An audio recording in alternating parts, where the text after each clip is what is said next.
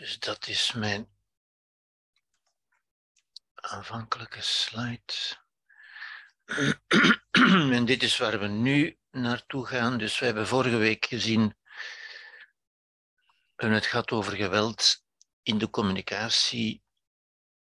En vanavond gaan we naar geweldloosheid.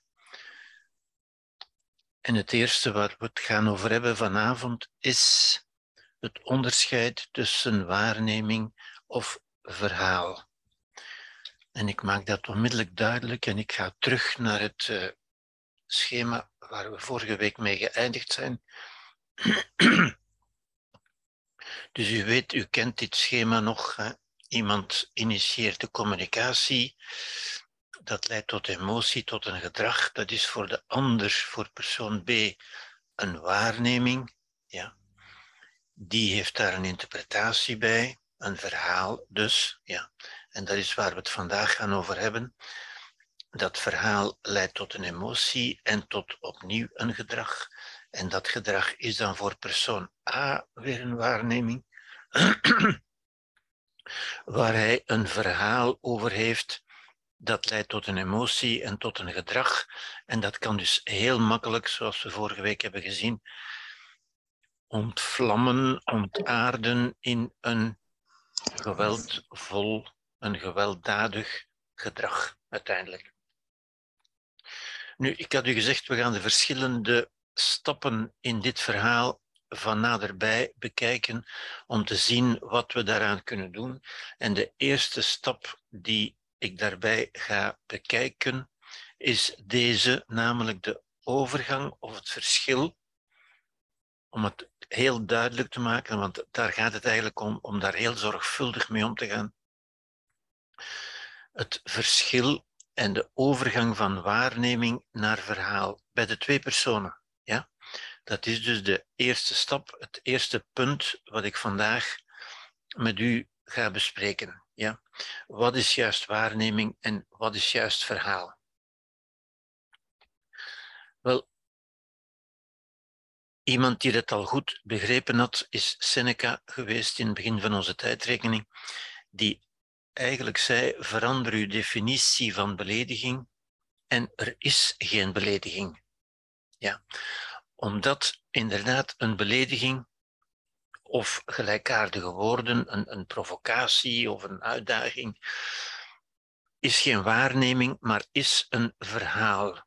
En laat ik u dat duidelijk maken. De waarneming die wij kunnen doen in het kader van communicatie, dat, dat geldt eigenlijk ruimer, maar in het geval van communicatie, is de waarneming is wat de ander ons zegt. Aangenomen dat het over verbale communicatie gaat, natuurlijk. Dus de waarneming is wat de ander ons zegt, dat is het verhaal van de ander. Het verhaal dat de ander ons meedeelt. Onze mening en ons oordeel is mijn verhaal over de ander. Dat is wat ik daarvan denk. Ik als, als persoon B bijvoorbeeld, wat ik daarvan denk, wat ik daarvan vind, hoe dat voor mij, zoals men tegenwoordig ook vaak zegt, hoe dat bij mij binnenkomt, zoals mensen ook zeggen. Ja. Maar eigenlijk wat ik daarmee doe, hoe ik dat beoordeel. Ja. En Socrates had daarvoor een, een heel eenvoudig, uh, zou ik zeggen, een heel, eenvoudig, een heel eenvoudige benadering, ja, om het onderscheid te leren maken. En hij zei, zijn vraag was altijd, denkt iedereen er zo over? Ja? Als ik bijvoorbeeld zeg, dit is een belediging, ik voel mij beledigd, of ik denk, voor mij is dat een belediging, dan zou Socrates zeggen, denkt iedereen er zo over? Is dat voor iedereen een belediging, met andere woorden? En dan moeten we zeggen, uh, nee, waarschijnlijk niet. Er zijn ook mensen die dat als een grapje kunnen zien, bijvoorbeeld. Of als een, als een grappige woordspeling. Maar voor mij is het een belediging. Maar zie je, als verschillende mensen er verschillend kunnen over denken, dan is het een mening. Want een waarneming is iets waar iedereen hetzelfde moet overdenken, omdat het een waarneming is. Ja? Wat de ander zegt, de woorden die de ander spreekt, zijn voor iedereen een waarneming. Daar is geen discussie over. Maar of het een belediging is of een grapje, daarover is wel discussie mogelijk. En als er discussie mogelijk is, met andere woorden, als niet iedereen er hetzelfde over denkt, dan moeten we zeggen, het is geen waarneming, maar het is een verhaal. Een verhaal, of een ander woord is een mening, een oordeel, een interpretatie, een, een perceptie, zegt men ook. Ja? En wat we dan kunnen doen, is uh, gebruik maken van cognitive distancing, zoals men zegt. Ja? Cognitive distancing is een zekere afstand nemen. Ja? En een cognitive distancing leidt ook tot emotionele resilientie, omdat dat wil zeggen, ik ga niet onmiddellijk mijn emoties aan het woord laten. Ja? Ik ga me beperken tot de waarneming. Ja. Bijvoorbeeld, als ik zeg, en ik geef een aantal voorbeelden om, om duidelijk te maken wat ik bedoel. En normaal doe ik die voorbeelden uh, in, in, in samenspraak met, met het publiek, met de toehoorders, maar dat zal in dit geval natuurlijk uh, niet zo makkelijk gaan. Dus ik zal voor u antwoorden. Als, als, de, als de communicatie begint met iemand die zegt Jan was gisteravond zonder reden boos op mij. Ja. Dan is de vraag, is dat een waarneming of is dat een oordeel? Ja. En ik laat u daar even over, over nadenken. Is dat een waarneming of is dat een oordeel? Ja. Ik zie natuurlijk uw reactie niet. Maar ik zal het antwoord voor u geven. Dit is een oordeel, omdat dit een verhaal is over de ander. Ja. Om te beginnen, boos zijn is al een interpretatie. Hoe weet ik dat hij boos is? Ja, ik, kan, ik kan dat denken. Ja. Maar bovendien, als ik zeg zonder reden, dat is mijn verhaal over Jan. Ja? Ik zeg niet wat Jan gezegd heeft, ik zeg hij was gisteravond zonder reden boos op mij. Zonder reden boos, dat is een oordeel. Nu, iets waar veel mensen zullen, zullen intrappen, omdat dat zo, zo evident lijkt. Ja? Maar toch, als je vraagt, denkt iedereen er zo over? Anderen kunnen misschien zeggen, nee, hij was niet boos, of nee, hij had wel een reden. En ziet u, dat spel, als anderen er anders kunnen over denken, dan moeten we zeggen, het was een mening. Het is mijn mening. Ja? Uh, mensen introduceren die mening ook vaak door te zeggen voor mij. Voor mij is dat. Voor mij was Jan gisteravond zonder reden boos op mij. Dat kan ik dus zeggen natuurlijk, hè, maar dan is dat mijn verhaal over wat gisteren gebeurd is. Ik geef er een paar meer. Ja. Het verhaal van de ander, het verhaal van de ander zou zijn. Jan was boos omdat hij gezegd had dat, er, dat dat hij om een of andere reden boos was. Ja? Dat zou het verhaal van de ander zijn. Dan zouden we niet meer kunnen discussiëren. Als Jan zou zeggen, ik ben boos om die en die reden, dan zou iedereen dat moeten aannemen. Dat zou een waarneming zijn. Ja? Maar als Jan iets zegt en ik beoordeel dat als zonder reden boos zijn op mij, dan is dat duidelijk een oordeel. Ja? Nu, een oordeel noem ik in deze context ook een, een verhaal. Dat is iets wat ik erbij bedenk, wat ik erbij verzin, bij wijze van spreken. Mijn oordeel dus. Ja? Als ik zeg, of als iemand zegt, mijn vriend probeerde mij weer te manipuleren door mij emotioneel te chanteren. Dat zijn dingen die zo gezegd worden natuurlijk. Hè? Ja? Mijn vriend, mijn echtgenoot, mijn partner probeerde me te manipuleren door mij emotioneel te chanteren. Is dat een waarneming of is dat een oordeel? Ja. Het antwoord moet ook in dit geval zijn: het is een oordeel. Ja. emotioneel chanteren, bijvoorbeeld, is zeker geen waarneming, maar is een beoordeling. Ik beoordeel wat mijn vriend deed als emotionele chantage. Nu, dat wordt dus courant gedaan, hè, van, dat mensen elkaar uh, zeggen dat is manipulatie, dat is chantage en zo verder. Ja? En ik wil alleen maar zeggen, in, in dit, in, op dit punt wil ik alleen maar zeggen dat dat geen waarneming is. Chantage kunt u niet waarnemen. Ja? Dat is een oordeel. Manipulatie net zo natuurlijk. Hè. En manipulatie is ook een woord dat heel veel gebruikt wordt.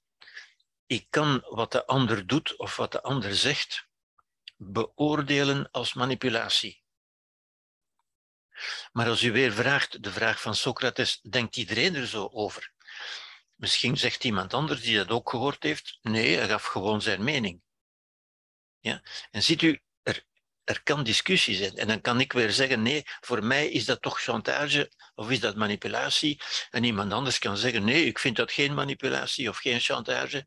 Er is weer discussie mogelijk. Als er discussie mogelijk is, dan is het een mening. Dan gaat het over een mening en over een oordeel. Ja? Niet over een waarneming. Een waarneming is, nogmaals, iets waar niemand kan over discussiëren, omdat het juist een waarneming is. Een waarneming is een feitelijkheid. Ja? Mijn collega is een pervers narcissistische persoonlijkheid die mij pest en manipuleert. Dat zijn dingen die u zo kunt horen zeggen, natuurlijk. Hè. Zelfde vraag. Is dat een waarneming of een oordeel? Ik denk dat u er nu niet meer zo makkelijk zult intrappen, natuurlijk. Hè?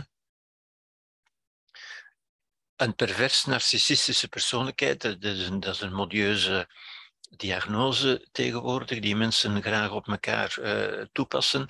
Maar u begrijpt zo, dat is geen waarneming natuurlijk. Hè? Dat is mijn mening.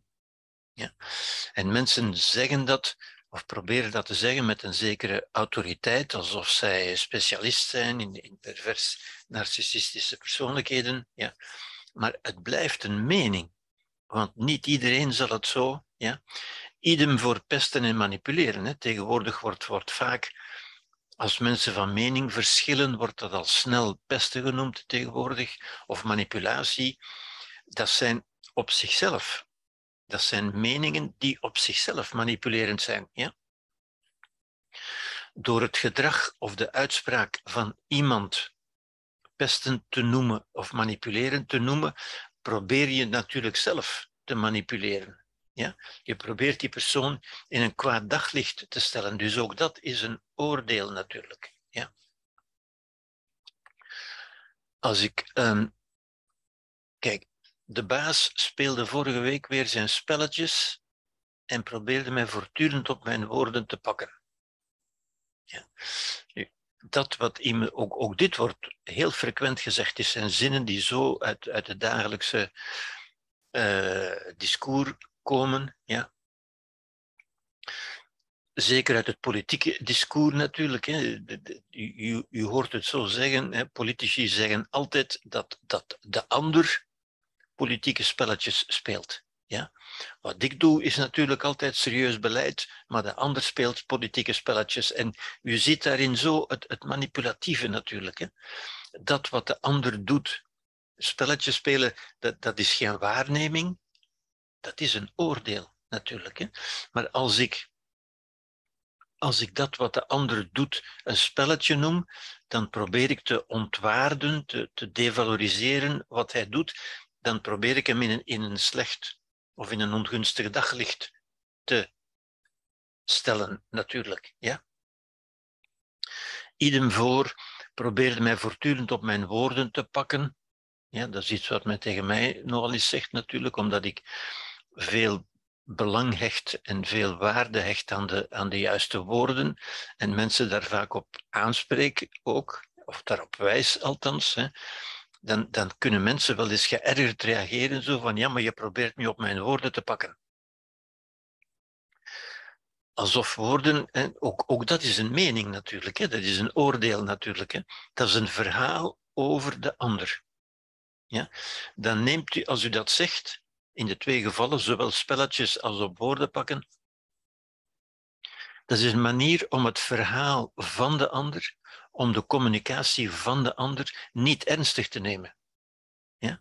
Want u, u plakt daar uw eigen mening op. Ja, dat zijn spelletjes, dat is proberen me op mijn woorden te pakken. Ja? Dan gaat de, de communicatie onmiddellijk een verkeerde kant uit natuurlijk. Hè? Er wordt in dit geval, luistert u niet naar wat de ander zegt, maar u diagnosticeert. U luistert niet naar zijn verhaal, u hebt uw eigen verhaal over de ander. En u luistert eigenlijk naar uw eigen verhaal. Ja? Sophie vertelde me dat ze overstuur was door de moeilijkheden met haar partner. Dat is misschien al een beetje moeilijker, ja? alhoewel het eigenlijk toch wel duidelijk is. Ja? Is, is dit een verhaal of een oordeel? Ja? Het is spijtig dat ik uw reactie niet kan zien natuurlijk, hè? maar dit is een waarneming, zou je kunnen zeggen. Ja? Kijk, hierover kunnen mensen niet van mening verschillen. Want Sophie heeft die woorden uitgesproken. Ja, ik, ik vertel hier, of iemand vertelt, dat Sophie gezegd heeft dat ze overstuur was door de moeilijkheden met haar partner. Dat is luisteren naar het verhaal van de ander. Dat is de waarneming van het verhaal van de ander. Hier voeg ik daar niks aan toe. Ja? In de vorige uitspraak wel in de vorige uitspraak, als ik zou zeggen, uh, Sophie speelde weer haar, haar, haar, haar uh, slachtofferspelletjes bijvoorbeeld, dat zou een mening zijn. Ja? Maar als, dit, als ik dit zo zeg, Sophie vertelde me, dan vertel ik, relateer ik wat zij zei, de woorden die zij uitsprak, en dat is een waarneming. En u ziet, u ziet al wie aanwezig was daar, zal zeggen, ja, inderdaad, ze heeft dat zo gezegd. Ja? Daar kunnen we niet over discussiëren. En dus is het een waarneming. Dat is, dat is een heel eenvoudige regel. Ja? Als u er niet kunt over discussiëren, is het een waarneming. Gaat het over de feiten, met andere woorden, over het verhaal van de ander? Als men er wel kan over discussiëren, zoals in de vorige uitspraak, de baas speelde weer zijn spelletjes, iemand anders kan zeggen, nee, hij gaf gewoon zijn mening, hij speelde geen spelletjes. En dan zijn we in een wel eens niet. Zijn dat nu spelletjes of niet? Maar u ziet, in ieder geval is dat geen waarneming. Dat is een, een diagnose, een oordeel, een mening, een opinie. Ja? Ik zeg daarmee niet uh, dat die opinie eventueel niet, niet juist kan zijn of terecht kan zijn, maar het blijft een opinie. Het is geen waarneming, in ieder geval. Ja? Mijn collega doet zijn beklag als ik met hem praat. Ja.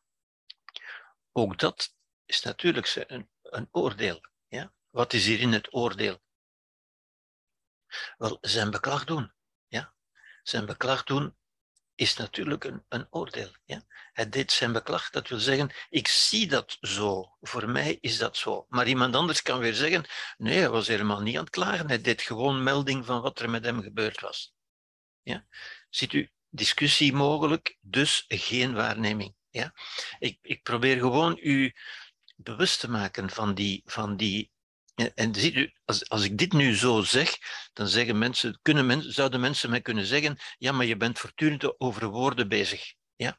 Maar u begrijpt, het gaat over heel belangrijke woorden natuurlijk. Ja? Woorden waar mensen over discussiëren, waar mensen ruzie over maken, mijn collega vergeet vaak het licht uit te doen. Is dat een waarneming of is dat een oordeel? Ik zie natuurlijk weer uw, reactie niet, hè, maar het is een oordeel natuurlijk. Hè. Waarom is dat een oordeel?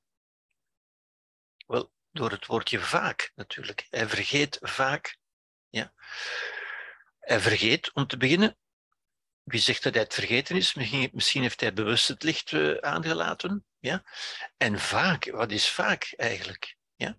En ziet u hoe, hoe, hoe weinig zorgvuldig, hoe weinig precies wij vaak zijn in onze uitspraken. Ik zeg het met opzet zo natuurlijk, hè, want wat is, wat is vaak uiteindelijk? Ja?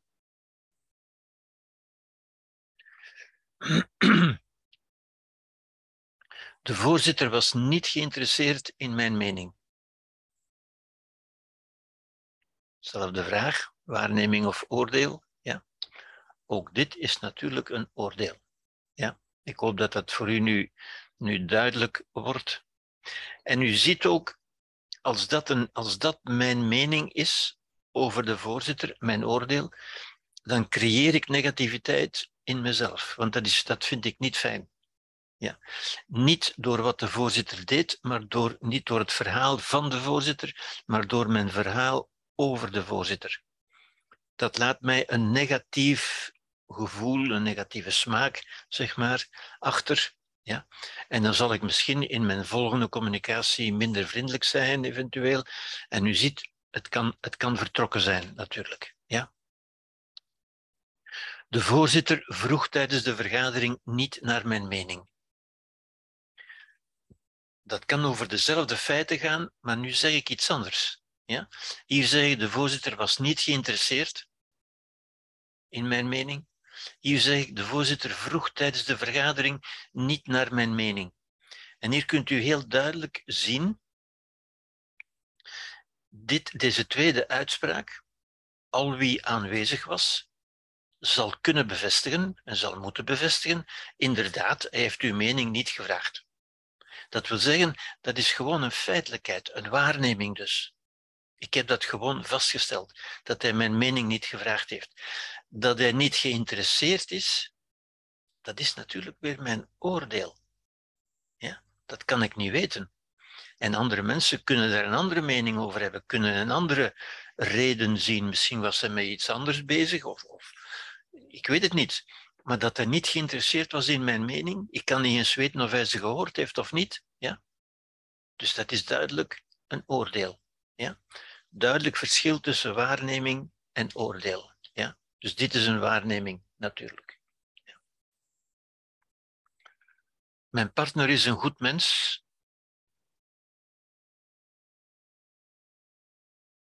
Daar zal men over het algemeen weinig problemen mee hebben, natuurlijk. Hè?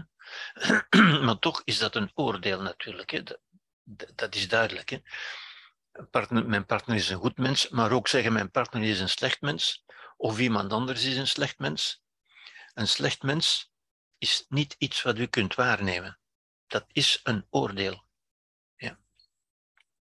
Een oordeel dat natuurlijk regelmatig geveld wordt, regelmatig gezegd wordt dat mensen slechte mensen zijn, of van slechte wil zijn, of niet willen begrijpen, die, die hele categorie van negatieve uitspraken over mensen die wij kunnen doen. Ja. Die klant zei me dat hij ontevreden was over het product dat hij had gekocht. Ik hoop dat uw aandacht nu gescherpt is, natuurlijk. Ja. Is dit een waarneming of een oordeel? Wel, hier moeten we zeggen, dit is een waarneming. Ja. Om de eenvoudige reden dat dit het verhaal is van de ander. Dit is wat die klant mij heeft gezegd. En ieder die daar aanwezig was, zal moeten zeggen, zal moeten toegeven, ja, inderdaad, die klant heeft dat gezegd. Ja, dus dat kan niemand betwisten. En zie je, dat is een, een vrij, een vrij um, onfeilbare regel, zou ik bijna zeggen. Ja. Als u kunt bij uzelf nagaan dat iedereen die aanwezig was hetzelfde zou zeggen en dat niet kan ontkennen, dan is het een waarneming. Als men er van mening kan over verschillen, dan is het juist een mening, omdat men er kan over verschillen. Ja? Nog eentje, jullie was gisteren lui. Ik hoop dat u dat ook zult eh, herkennen als een waarneming natuurlijk. Hè. Waarom is dat een waarneming? Wel omdat lui uh, niet gedefinieerd is. Hè. Wat, wat is dat lui? Dat is een mening. Dat is een negatief woord. Ja. Je zou kunnen zeggen, jullie was gisteren niks aan het doen. Ja. Dan zouden andere mensen kunnen zeggen, inderdaad, ze was niks aan het doen. Ze deed niks. Maar of ze lui is, dat is een ander iets natuurlijk. Dat is een oordeel over, over de, de oorzaak, over hoe zij is. Maar dat is niet iets wat je kunt weten, wat je kunt zien. Dat kan geen waarneming zijn. Iemand anders zou kunnen zeggen, eh, nee, ik denk dat ze aan het uitrusten was. Jullie was gisteren niet gemotiveerd. Zoals mensen vaak zeggen over patiënten natuurlijk. Hè. Die, die patiënt is niet gemotiveerd. En dat lijkt natuurlijk een waarneming. En toch is dat een oordeel. Hè. Want niet gemotiveerd, dat, dat kunt u niet waarnemen natuurlijk. Hè. Tenzij die patiënt, uh, Julie bijvoorbeeld, zei dat ze niet gemotiveerd was. Als u zegt, Julie heeft mij gisteren gezegd dat ze niet gemotiveerd was, dan is dat een waarneming. Maar als ik gewoon zeg uh, tegen mijn collega bijvoorbeeld, uh, die patiënt, patiënt Julie was, was gisteren niet gemotiveerd, dan is dat geen waarneming, maar een diagnose. Ja? Een mening met andere woorden. Een diagnose is een mening natuurlijk. Ja? Julie was gisteren niet klaar met haar werk. Is dat een oordeel of een waarneming? Ik denk dat dit een waarneming is. Ja? Waarom? Altijd dezelfde, dezelfde benadering, omdat iedereen kon zien dat ze niet klaar was met haar werk. Dat is een feitelijkheid, dat is een feit. Ja? Maar zeggen dat ze lui was, dat is geen feit. Zeggen dat ze niet gemotiveerd was, dat is geen feit. Dat is dus geen waarneming, dat is een mening. Ja? Jullie zei me dat ze baalde van haar werk. Is dat een mening of een oordeel of, of, een, of een waarneming? Ja. Wel, ik denk dat iedereen het nu wel eens zal zijn. Ook dat is een waarneming. Ja? Waarom? Wel, daar kan ik niet aan twijfelen. En daar zal iedereen het mee eens zijn. Iedereen zal zeggen, ja, inderdaad, ze heeft dat gezegd. Ja? Zoals iedereen zal zeggen, uh, gisteren of dat straks regende het. Dat het regent, dat is een waarneming. Dat de zon schijnt, dat is een waarneming. Die niemand kan ontkennen. Ja? Maar zeggen, het was gisteren slecht weer. Dat kunnen mensen wel ontkennen. Dan kunnen zeggen, ah nee, voor mij was dat goed weer. Want mijn tuin had, had water nodig. Dus voor mij, en ziet u, dat voor mij ook vaak voor mij wil zeggen, het is een mening. Ja? Dat zijn niet altijd meningen met veel gevolgen natuurlijk, dat is, dat is ook niet zo erg in dit geval, maar dat kan ook wel ernstige gevolgen hebben. In het geval van het eerste, eerste voorbeeld dat ik u gegeven heb. Ja? En wat we bijvoorbeeld ook, ook horen, hè? bijvoorbeeld in Oekraïne, ja? dit of dat is een provocatie. Ja? Een provocatie is geen waarneming. Maar ik beschouw het als een provocatie. Ik gebruik het als een provocatie. Ja? Poetin kan zeggen, ik was geprovoceerd. Het Westen heeft mij geprovoceerd. En ziet u hoe, ver dat gaat? Poetin heeft, daarmee, heeft daarvoor een oorlog begonnen. Ja. Oké, dit is een, een illustratie daarvan over waarneming. Ja. Ik denk dat de meesten dit plaatje wel kennen. Ja. Um, in dit plaatje, laat ik het u zeggen, de meesten zullen het weten waarschijnlijk, is zowel een jongere vrouw als een oudere vrouw te zien. En de meeste mensen weten dat, daarom toon ik het ook. Maar zelfs mensen die dat weten en die afwisselend de jonge en de oude vrouw kunnen zien, moeten toch toegeven dat men ze niet tegelijk kan zien ja? Als men daar een eerste blik op werpt, is er één van de twee die naar voren komt, die men het eerste ziet. Ja? En het is meestal zo, in, in, in reële omstandigheden, dit is gekend, iedereen weet dat, of de meeste mensen weten dat, of vele mensen weten dat men weet, en dan gaat men ook zorgvuldig kijken van, ja, ik weet, eh, ik zie die jonge vrouw, maar ik weet dat er ook een oudere vrouw te zien is. En men gaat zoeken en men ziet ze ook. Ja? Maar in reële omstandigheden, wat ik hiermee wil illustreren, ja, is dat er toch altijd een van de twee is die u eerst ziet. En dan is het toch zo dat wij in het algemeen, ik, ik ook natuurlijk, hè, dat wij in het algemeen in een bepaalde situatie daar een snelle blik op werpen en dan onmiddellijk overtuigd zijn dat wat we eerst gezien hebben, dat dat ook was wat er te zien was. Ja? Wij hebben die intuïtieve overtuiging dat ik was erbij, ik heb het gezien. En mensen gaan daarvoor in de rechtbank getuigen ja, van ja, ik was erbij en ik heb een jonge vrouw gezien, terwijl een andere getuige zal zeggen, nee, ik heb een oudere vrouw gezien. Ja? In een reële situatie, in een levensechte situatie, doen wij meestal niet de moeite om ons af te vragen, oké, dat wat ik zie, eh, dat zie ik, maar is er misschien ook niet een andere manier om het te zien? Is er niet iets anders te zien dan wat ik gezien heb? En dat is wat deze illustratie toont. Ja? Er, zijn, er zijn hier twee dingen te zien, bij wijze van spreken. Ja? En omdat we het weten, doen we de moeite om, die, om dat ook te proberen zien. En u kunt dat ook leren zien. Als u op bepaalde details kijkt, dan ziet u de jonge vrouw. En als u op een ander detail kijkt, ziet u de oude vrouw enzovoort. Ja?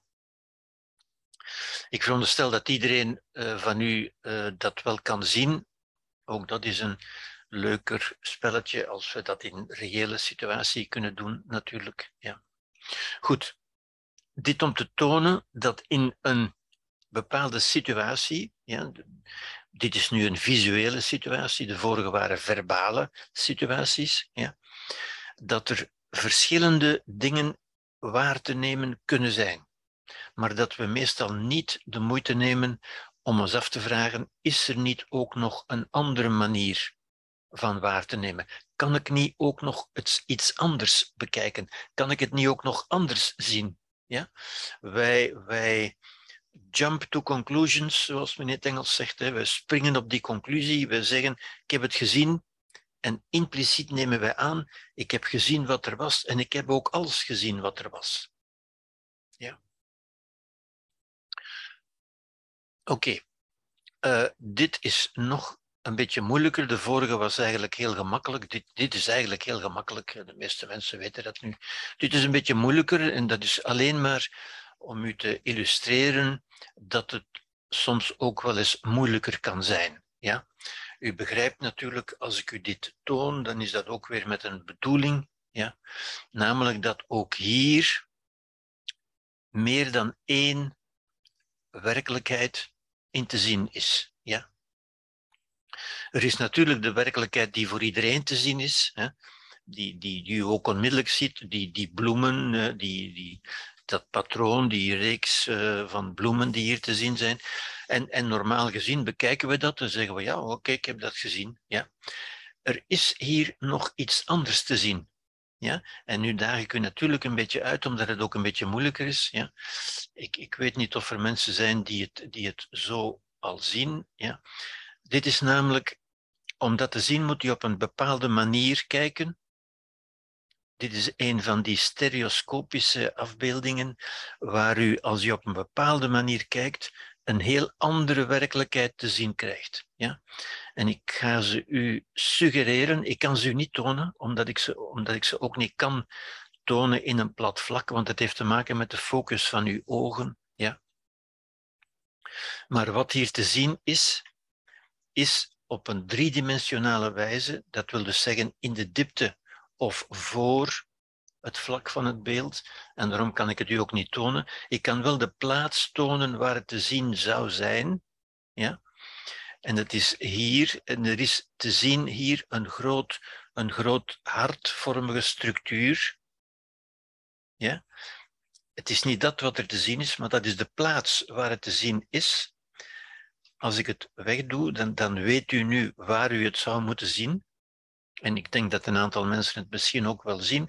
Het is een bepaalde manier van kijken, die als u die manier kent, is het ook evident, kunt u het niet meer niet zien. Maar als u het niet ziet, en ik weet mensen die al jaren proberen van het te zien en die het toch niet uh, gezien krijgen. Ja. En dat is ook de bedoeling. De bedoeling is niet, het is geen raadseltje, geen puzzeltje om op te lossen. Het is de bedoeling dat u begrijpt dat er ook in deze realiteit dingen te zien zijn die niet zo makkelijk te zien zijn. In de vorige was dat makkelijk, hier is dat veel minder makkelijk. Maar dat geldt dus ook. Dat is weer op, het, op de waarneming. Ja, onze waarneming, met andere woorden, kan ons flink in het ootje nemen, kan ons flink in de luren leggen, in, in de bloem rollen, om het in het Frans te zeggen. Ja. En we moeten er eigenlijk altijd we zouden altijd moeten, moeten de, de aanwezigheid van geest hebben om te zeggen, valt hier ook niet iets anders te zien? Ja? Meestal, zoals gezegd, doen we dat niet. Wij zijn, zoals ik het vaak zeg, quick and dirty thinkers. Ja? Wij werpen daar een snelle blik op en u zegt, ja, oké, ik heb dat gezien. Ja. Ik heb nog een paar voorbeelden, namelijk dit hier. Ja. Als ik u nu vraag, en ook dit is, is, is, is, is gezelliger, is aangenamer om te spelen in, in gezelschap natuurlijk, ja, waar ik de feedback van u heb. Als ik u nu vraag, is dat vlak dat vlak hier, dat grijze vlak, dat donkergrijze vlak en dat lichtgrijze vlak. Iedereen ziet dat toch.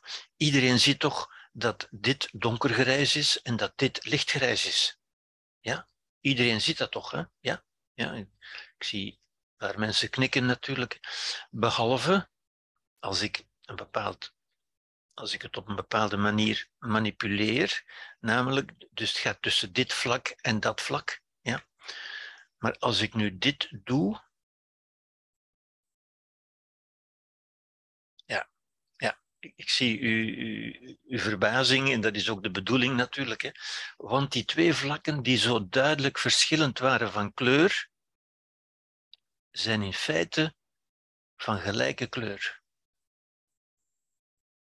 Ik zie u uw hoofd schudden, een paar onder u in, in ongeloof. En dat is ook een beetje de bedoeling, dat, dat ik u een beetje, een beetje verbaas, een beetje provoceren, zou ik zeggen. Ja? Van iets wat zo duidelijk verschillend was voor iedereen, dat is toch een waarneming. En zelfs hier worden we in het ootje genomen. Ja? Dat zijn natuurlijk visuele, maar dat kan ook verbaal, dat kan ook in gesproken um, mededelingen zijn. Ja? Dat we ons gewoon laten leiden door, ons, door onze waarneming, door ons zicht. Dat zegt, het is toch wel duidelijk. Als ik het wegdoe, is het ook weer duidelijk. En als ik het wegdoe, kunt u niet geloven dat die allebei dezelfde kleur zijn. En toch, als ik het er terug voorschuif, dan zegt u, dan moet u toch weer toegeven, het is toch dezelfde kleur. Ik verander niets aan die twee vlakken. Ik, ik verberg alleen de scheiding. Ja? En dan ziet u, het is dezelfde kleur natuurlijk. Hè. Dat is natuurlijk iets wat speciaal ontworpen is om, om dit effect te, te veroorzaken, ja? maar het moet ons toch op iets attenderen. Hè? Namelijk dat onze waarneming, dat waar we zo zeker van zijn, ons behoorlijk om de tuin kan leiden. Ja? Een ander iets, uh, misschien gemakkelijker en misschien ook beter bekend, zijn deze lijnen even lang. Ja? En natuurlijk, als u nu goed gaat kijken en goed gaat meten, dan ziet u, ja, en kijk, als ik die dingetjes wegdoe hier, dan ziet u meteen dat die even lang zijn. Maar als ik die dingetjes er terug aanzet, die pijltjes, dan is er in u onweerstaanbaar een stemmetje dat zegt van nee, die onderste is toch langer dan die bovenste terwijl ze precies even lang zijn. Ja? En dat heeft te maken met onze, onze waarneming natuurlijk. Intuïtief zouden wij zeggen, hè, als, als we niet goed kijken, dan zeggen we, ja, ik zie toch, dat is duidelijk dat die onderste langer is. Ja. Nochtans is ze juist even lang. Ja. Goed. Um, een laatste zijn de, de rode lijnen even lang. Hier is het een beetje omgekeerd, zou ik zeggen. Ja. Zijn die rode lijnen even lang? Ja. In feite, het is een gelijkaardig iets. Hè. Als ik, als ik uh, dit wegdoe, ziet u meteen dat ze even lang zijn. Maar als ik die er terug bij zet, dan, dan gaat u onweerstaanbaar geloven, nee, die bovenste is toch langer. Ja? En dat is onze, onze intuïtieve waarneming versus onze redelijkheid. Redelijkerwijze zien we dat in, maar toch, zelfs als we het weten, blijft dat moeilijk. Want dat stemmetje, die waarneming, die intuïtie blijft zeggen: nee, die bovenste is langer dan die onderste. U, u krijgt dat niet weg. En u moet daar voortdurend tegen ingaan, in zekere zin. Ja. Goed. Oké. dat is, zou ik zeggen, of, of zouden we kunnen noemen, de kracht van subjectiviteit die we in, deze, in dit plaatje ook zien, natuurlijk. Dit is veel uh, grappiger, uh, een beetje levensechter zou je kunnen zeggen. Hè. Maar u ziet hier, het illustreert eigenlijk hetzelfde. Hè. Namelijk deze twee personages, deze twee gevangenen, zien eenzelfde realiteit, namelijk deze, maar toch zien zij eigenlijk een andere realiteit. Deze ziet dat, want dat is wat hij schildert, ja. en deze ziet dat. Ze hebben allebei de realiteit gezien en toch hebben ze iets anders gezien. Ja? Ziet u die, het spel van de, van de waarneming, van de illusie, ja, de cognitieve illusies zijn dat. Ja? Uh, dit zijn visuele illusies, maar zo zijn er ook cognitieve illusies natuurlijk, ja, waar wij overtuigd zijn dat de ander iets gezegd heeft of op een bepaalde manier gezegd heeft en we ons toch vergissen. Oké, dus dat was het puntje 2.1, waarneming of verhaal, het verschil tussen waarneming of verhaal.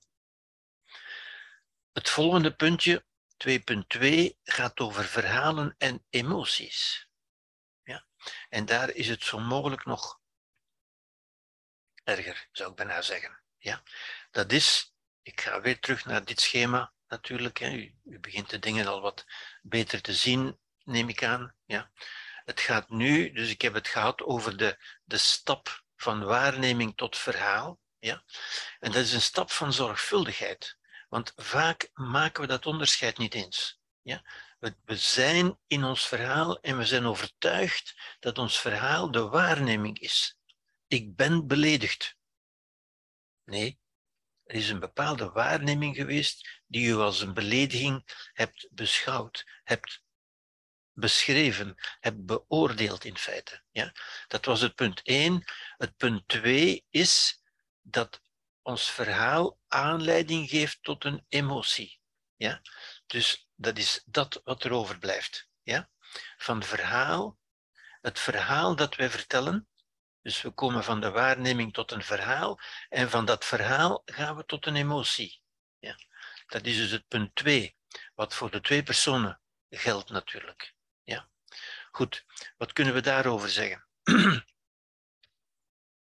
Wel, ik doe weer een, een, een, een kort uh, experiment, een kort gedachte-experiment. Ja. Stel, je gaat bij je arts op onderzoek. Om een of andere reden, om gewoon een check-up of zoiets. Ja, een onderzoek. Stel dat hij een week later telefoneert en zegt: Meneer of mevrouw, ik heb geen goed nieuws. Er is bij u kanker vastgesteld. Als u zich dat inbeeldt, dan kunt u zich ook inbeelden hoe u zich zou voelen daarbij. Ja? Ik denk dat weinigen dit als goed nieuws zouden zien. Ja?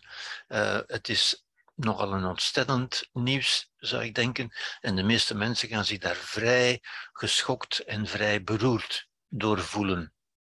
Ja? Ik denk dat dat duidelijk is voor iedereen. Hoe voel je je? Ik denk beroerd, zonder meer. Ja, het komt als een donderslag bij heldere hemel. Ja, je voelt je beroerd natuurlijk. Ja. Maar stel dat hij een week later opnieuw belt en zegt: Ja, sorry, het was een vergissing, u hebt geen kanker. Ja. Zelfde vraag, hoe voel je je dan? Dan kunnen er verschillende gevoelens komen natuurlijk. Hè. Het eerste gevoel, denk ik, dat u voelt, is toch van wat mensen noemen opluchting. Ja? Oef, het, het is niet waar. Ik moet me niet zo beroerd voelen. En die beroerdheid valt van u af, bij wijze van spreken. Die, die, dat gevoel verdwijnt. Ja? Want het, het heeft geen reden van bestaan meer. Het berustte op een vergissing. Ja? Dat is het verhaaltje. Waar we kunnen over nadenken. Ja? Want de vraag is dan, dat is een beetje de filosofische vraag zou ik zeggen, waar kwam je emotie dan vandaan? Want u hebt in die week tijd, ja, voelde u zich beroerd, u voelde zich, laten we zeggen, u voelde zich gewoon, normaal, u ging naar de arts, u kreeg die telefoon, u voelde zich beroerd, en daarna voelt u zich opgelucht. Die gevoelens, waar komen die vandaan? Ja. Vele mensen zullen zeggen, ja, maar dat, die, die emotie, dat beroerd voelen, dat kwam van die kanker. Uh, dat kan natuurlijk niet, want er was geen kanker. Ja? Dus het kan niet van die kanker komen. Waar, komt het dan, waar kwam het dan vandaan? En bovendien, als u een kanker kan u bovendien geen, geen gevoelens geven. Ja? Waar kwam uw gevoel, uw emotie, waar kwam die dan vandaan? Niet van die kanker, want die was er niet. Niet van de realiteit dus, want in de realiteit was er niks. Er is in de realiteit eigenlijk niks gebeurd. Maar wel van een voorstelling van de realiteit. De voorstelling is wat wij geloven over de realiteit. Ja? In zekere zin het verhaal over de realiteit. Ja? Zoals we het, het verhaal hebben over wat iemand zegt. Voor mij is het een belediging. Ja? Dat is een verhaal over de realiteit. Hier gaat de voorstelling over een andere realiteit, namelijk de realiteit dat u dacht dat u kanker had. En zolang u dacht dat u kanker had, voelde u zich beroerd. En toen u hoorde dat u geen kanker had, voelde u zich opgelucht. Waar kwam die emotie vandaan? Niet van die kanker, want die was er niet. Alleen van het feit dat u geloofde dat u een kanker had. Met andere woorden, uw emotie komt van uw verhaal. Ja. En dat is, ik probeer het zo eenvoudig mogelijk voor te stellen, maar toch is dat voor vele mensen heel moeilijk aan te nemen. Ja? Omdat wij, wij intuïtief nemen wij weer aan, ja, ik voelde mij goed, dan was er een kanker en ik voelde mij beroerd, dus die emotie komt van die kanker, want dat is wat er veranderd is. Nee, zelfs een kanker kan u geen emotie geven. Uw emotie is uw reactie op die kanker. Die emotie komt uit u, niet uit de realiteit, ja, maar wel uit uw geloof, uw idee, uw verhaal dus over de realiteit. Ja? En daarom neem ik natuurlijk ook zo'n zo'n zo'n scherp, zo'n zo'n ja, zo'n treffend voorbeeld, zo'n bijna, bijna potsierlijk voorbeeld natuurlijk. Hè? Dat een arts u zou bellen met kanker en een week later vergissing, maar het maakt zo duidelijk. Ja. U voelde zich beroerd zolang u dacht dat er kanker was. Want in deze week de week dat hij, de week later belde hij terug en in deze week voelde u zich beroerd, alhoewel er in die week ook geen kanker was. Maar u dacht dat u een kanker had. Dus de enige logische conclusie die u kunt trekken is, uw gevoel komt uit uw gedacht. En dat is voor de mensen, voor vele mensen, echt moeilijk om aan te nemen. Ja? Natuurlijk uw gedacht kan ook juist zijn. Hè? Als u wel kanker had, zelfs dan kan een kanker u nog altijd geen emotie geven. Maar is het over uw verhaal over die kanker? Omdat u denkt, dit is heel erg, uh, ik, ga, ik ga doodgaan en mijn kinderen en mijn partner en mijn familie en zo verder. En er gaan duizend gedachten door u heen. Maar het zijn allemaal gedachten. Die volgen uit die ene gedachte, ik heb kanker. Ja? Maar zelfs als er geen kanker was, volstaat de gedachte om u beroerd te doen voelen. En daar wil ik heel scherp de nadruk op leggen. Die emotie komt niet uit de realiteit, maar uit uw voorstelling van de realiteit. Ja? Ik zou het ook uh, omgekeerd kunnen zetten. Dus, dus ja, uh, wat kunnen we daaruit concluderen in feite? Uit dit kleine verhaaltje, wat kunnen we daaruit concluderen? Als we daar nu filosofisch gaan over nadenken. Ja? Dat verhaaltje is, is, kunt u zich indenken, wat kunnen we daaruit leren? Wat kunnen we daaruit filosofisch concluderen? Ten eerste, wij leven niet met de realiteit dat is moeilijk aan te nemen, ja, omdat wij, net zoals dat straks, wij denken altijd dat we de realiteit zien zoals ze is. Wij nemen die waar zoals ze is. Dit kleine verhaaltje toont u aan, we leven niet met de realiteit, we leven wel met wat we denken over de realiteit. Als we denken dat we kanker hebben, voelen we ons beroerd. Ja maar we leven met onze voorstelling van de realiteit. Onze voorstelling wil zeggen ons idee, ons gedacht. Ja, onze perceptie, zoals sommige mensen ook zeggen. Inzicht 2, nummer 2.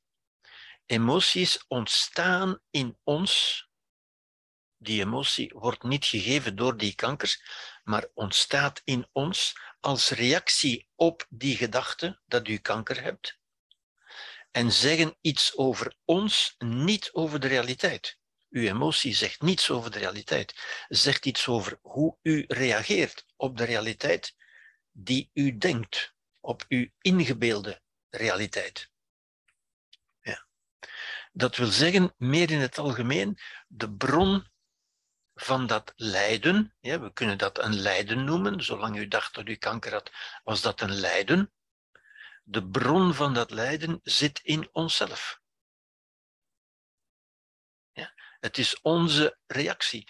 Mensen zeggen vaak, maar daarin zijn ze dus ook verkeerd natuurlijk, hè, ze zouden kunnen zeggen, hè, ja maar kanker hebben, dat is toch een lijden, zeggen de mensen. Dat is een lijden.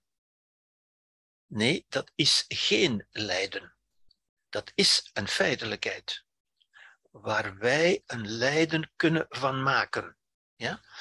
Wat ik goed kan begrijpen natuurlijk. Hè. Het gaat er niet om of ik dat uh, terecht vind of niet. Ik, ik wil gewoon dat, dat, dat die structuur blootleggen. Ja? Uw emotie, dat lijden met andere woorden, maar dat geldt ook voor irritatie of boosheid of gekwetstheid. Ja? Het gekwetst zijn bijvoorbeeld, de kwetsbaarheid en zo verder, ook dat komt uit ons denken. We worden gekwetst als we iets als een belediging beoordelen. We worden niet gekwetst door die woorden, we worden gekwetst door onze reactie op die woorden. Met andere woorden, we kwetsen onszelf daarmee. We doen onszelf lijden, in zekere zin. Ja? Moeilijke begrippen in feite, waar je goed moet over nadenken en waar we herhaaldelijk moeten over nadenken om te kunnen gaan zien van ja, zo is het. Ja, want dat gaat in. Het is niet dat dit zo moeilijk zou zijn. Het is alleen maar moeilijk omdat het ingaat tegen onze intuïtie en tegen wat we voortdurend horen, wat ons voortdurend ook gezegd wordt door anderen het gekwetst zijn, de, de wonden en de kwetsuren en zo verder, ja, die eigenlijk alleen maar uit ons komen, uit ons denken. Ja? En dat willen mensen, daar hebben mensen het vaak moeilijk mee om dat te geloven, dat het uit ons denken zou komen. Hè? Want men ziet, men ziet het lijden, dat is toch iets echt, dat is toch iets diep, dat komt toch, ja, dat kan toch niet alleen maar denken zijn, zoals mensen dan zeggen? Wel, het is alleen maar denken. Ja. Omgekeerd volgt daaruit natuurlijk ook, want dit geldt eigenlijk voor alle emoties, dat we zeggen, ook de bron van welzijn, ook goed voelen, zit in onszelf. Gelukkig maar, zou je kunnen zeggen. Ja? Ook ons goed voelen. Want het geldt in de twee richtingen. Niets kan ons doen lijden, niets kan ons emoties geven, niets kan ons ook blij maken. Ja? We maken onszelf blij met iets wat er is door ons verhaal, door te zeggen, oh, dit is zo goed, dit is zo mooi, ja? dit is zo fijn, wat heb ik geluk, en zo verder. Ja? Maken we onszelf blij net zoals we onszelf doen lijden door te zeggen, dit is zo erg, dit is niet toegestaan, dit is onaanvaardbaar, dit is niet eerlijk, ik heb daar niet om gevraagd, en zo verder en zo verder. Ja? Die hele gedachtewolk, die hele gedachtecluster, brengt ons tot lijden. Terwijl een andere gedachtenwolk, een andere woordencluster uiteindelijk ons tot welzijn brengt. Ja? En dit is zeer contra-intuïtief en dat is ook de enige moeilijkheid. Want intuïtief gaan we er altijd vanuit dat de omstandigheden, andere mensen of gebeurtenissen, die kanker bijvoorbeeld, ja, ons doen lijden of ons blij maken. Dat wij geleefd worden door omstandigheden. Dus dit is een soort filosofische wijsheid, zou ik zeggen, die als we ze echt accepteren, die ons tot een soort onafhankelijkheid brengt, tot een soort volwassenheid dus ook. Dit is volwassen wijsheid. Ja? Een kind kan dat niet begrijpen. Een volwassene kan dat begrijpen. Ja? Dus de bron van emoties, zowel van lijden als van welzijn, zit in onszelf. Volgt uit het eenvoudige verhaaltje dat ik u daarnet heb verteld. Ja. Het is contra-intuïtief, en dat is ook de echte moeilijkheid. Het gaat altijd tegen, net zoals, dat, zoals ik ook dus daarnet heb getoond, en ik heb het u met opzet getoond natuurlijk, van die lijnen of die kleuren waarvan u altijd dacht, waarvan altijd in ons gezegd wordt van nee, dat is toch donkerder grijs dan dat, dat is verschillend. Ja? Terwijl in werkelijkheid zijn ze gelijk. Net zoals die lijnen, die ene lijn is toch groter dan die andere? Nee, ze zijn gelijk. Ja? En dat is ook hier zo. Ons koppige denken, ons denken, ons gewoonte denken, ons intuïtieve denken, waar we vaak koppen gaan vasthouden, ja, is van de omstandigheden doen mij lijden of de omstandigheden maken mij blij. In het korte verhaaltje wat ik u vertelde, wil ik u duidelijk maken dat de omstandigheden niets doen. Omstandigheden zijn feiten die er gewoon maar zijn. Het zijn onze oordelen over die feiten die maken dat we ons daar goed of niet goed bij voelen, zou ik zeggen. Dat is natuurlijk ook wat gezegd wordt, ik ga daar nu niet verder op in natuurlijk, wat gezegd wordt door het boeddhisme. De Boeddha heeft dat, heeft dat steeds weer opnieuw gezegd natuurlijk. Hè. Die, die, die, zorgvuldigheid, die wijsheid. Dit is wijsheid. Hè. Dit is geen wetenschap, dit is wijsheid natuurlijk. Hè. De Stoa zegt dat ook, het stoïcisme. De RED, Rational Emotional Therapy, NLP, neurolinguistisch programmeren en zo verder. Al die, dat is niet onbekend wat ik nu zeg. Ja. Een aantal mensen weet dat ook wel. Maar er zijn weinig mensen die dat voldoende weten voor zichzelf om, om op te kunnen tornen tegen onze intuïtie, zou ik zeggen. Ja. Veel mensen weten het wel, maar kunnen dat weten niet tot een actief weten maken, tot een echt weten, zou ik zeggen. Ja. Goed, emoties, wat zijn emoties? Wel, emoties zijn eigenlijk aanzetten tot handelingen. Emoties zetten ons aan van binnenuit om iets te doen. Als die emotie er eenmaal is, dan ontstaat in ons die neiging om iets te gaan doen. Emoties duwen ons als het ware van binnenuit in een bepaalde, in een bepaalde richting. Ja? Die voorafgaat aan concrete handelingen. Ja? Ons handelen, alles wat wij doen, onze handelingen, ook wat wij zeggen, zeggen is ook, iets, is ook handelen natuurlijk. Iets zeggen is ook handelen. Ja. Alles wat, wij, wat van ons uitgaat, wat wij, wat wij aan, in de buitenwereld tonen, wat wij doen aan activiteit of wat wij zeggen, komt uit een emotie. Wordt door een emotie in gang gezet, zou je kunnen zeggen. Een emotie is een aanzet tot handelen. Ja? Om te voldoen met als doel, die emotie heeft als doel voldoen aan bepaalde verlangens. Namelijk iets wel hebben of iets niet hebben. Ja? Iets dichterbij halen. Ja? Iets waar we ons goed bij voelen, dat willen we dichterbij halen. Iets waar we ons niet goed bij voelen, dat willen we wegduwen.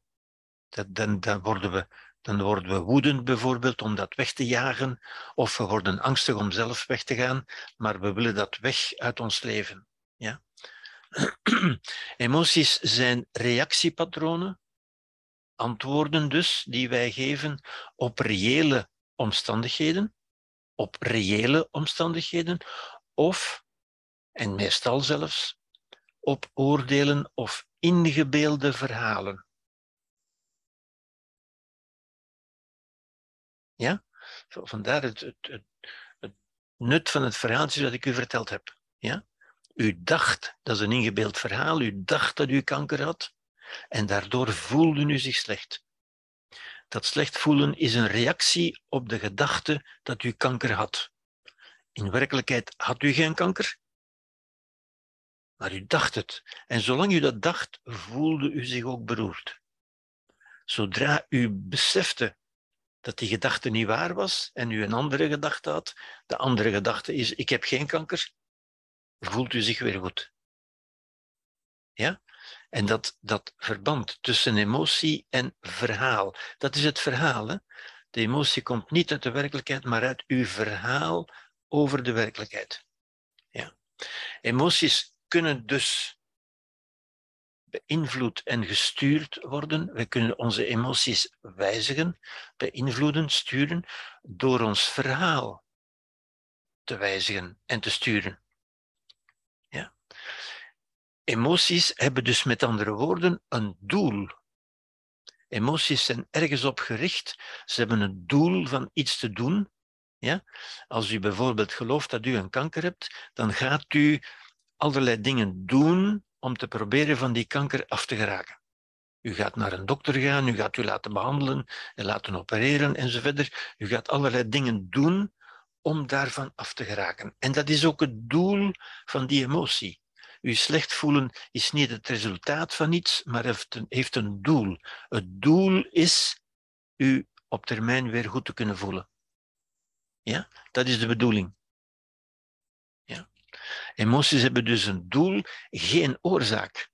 Er is geen oorzaak van die emotie. Die emotie is een reactie op een verhaal, op iets wat u gelooft, met als doel u weer goed te kunnen voelen. Emoties kunnen alleen over onszelf gaan. Ook dat is, is, is een idee wat volgt uit dat, uit dat verhaaltje natuurlijk. Ja. Die emotie gaat over uzelf. U voelt niet de realiteit. U voelt ook niet de emoties van anderen. U voelt altijd, wij voelen altijd onze eigen emoties. We kunnen de emoties van anderen wel opmerken, we kunnen die zien, we kunnen die waarnemen eventueel. We kunnen waarnemen dat iemand lacht of dat iemand huilt. En daaruit kunnen we concluderen dat hij zich waarschijnlijk goed of niet goed voelt. Maar we kunnen niet rechtstreeks voelen wat iemand anders voelt. We voelen onze eigen emoties. We kunnen bijvoorbeeld verdrietig zijn als we zien, als we waarnemen dat iemand anders verdrietig is. We kunnen dat zelf erg vinden. Dat is onze emotie als antwoord op ons idee, ons denken over de emotie van de ander. Maar de emotie van de ander kunnen we niet rechtstreeks voelen. Ook iets wat veel mensen uh, niet goed begrijpen. Zij denken dat zij emoties kunnen aanvoelen. Nee, u voelt altijd wat bij u aanwezig is, namelijk uw reactie, uw antwoord. Ja? Niets of niemand kan ons een emotie geven. Dit zijn natuurlijk veralgemenende conclusies uit het verhaaltje dat ik u verteld heb. Als u er verder over nadenkt, ja, die kanker kon u geen emotie geven. En bij uitbreiding, als u erover nadenkt, snapt u dat niet alleen die kanker, maar niets kan ons een emotie geven. Onze emoties zijn altijd, zoals die staat, onze eigen reactiepatronen, onze antwoorden op omstandigheden. Omstandigheden geven ons geen emotie, ze zijn er gewoon. Ja. Goed, emotie is dus altijd een oordeel, met andere woorden, een betekenis, en die wordt vaak voorafgegaan, niet altijd, maar vaak met de woorden voor mij. Voor mij is dat een belediging. Voor mij is dat een provocatie. Ja? Ik zie het zo. Maar die voor mij wordt vaak verward met zo is het. Voor mij is het zo omdat het zo is. Ja? En daarin zit vaak onze onzorgvuldigheid. We beseffen niet dat dat een oordeel is, een betekenis. Ja? Plus een aanzet. Dus een emotie is vaak een oordeel. Dit of dat is er gebeurd. En voor mij betekent dat, plus de emotie, de emotie is eigenlijk die aanzet tot handelen. En wat is die aanzet tot handelen? Dat is van, ja, ik vind dat fijn of nee, ik vind dat niet fijn. Ja, ik wil dat wel of nee, ik wil dat niet. En dat is eigenlijk het echt emotionele. De rest is cognitie. Betekenis is geen emotie. Betekenis is een, een gedachte, mijn gedacht, mijn oordeel. Als ik een bepaalde uitspraak als belediging beoordeel, dan voel ik, wat voel ik dan? Dat onaangename gevoel van nee, dat wil ik niet. Ik wil dat die ander zwijgt, of ik wil dat hij zich excuseert, of dat hij zijn woorden terugneemt. Ik wil iets met die emotie. Dat moet verdwijnen, dat moet weg. Ja? En dat is vaak verwarrend, heel verwarrend. Ja? Omdat mensen dat, dat ook dit onderscheid niet goed maken. Ja? Ze denken dat wat zij voelen, dat dat het oordeel is, terwijl het in feite hun antwoord is op het oordeel. Ja? Ik zal weer een aantal voorbeelden geven om het u duidelijker te maken. Ja? Bij, de, bij een belediging bijvoorbeeld, ik, ik, gebruik dat voorbeeld omdat het zo sprekend is natuurlijk, hè. een belediging begint met het oordeel, dit is een belediging.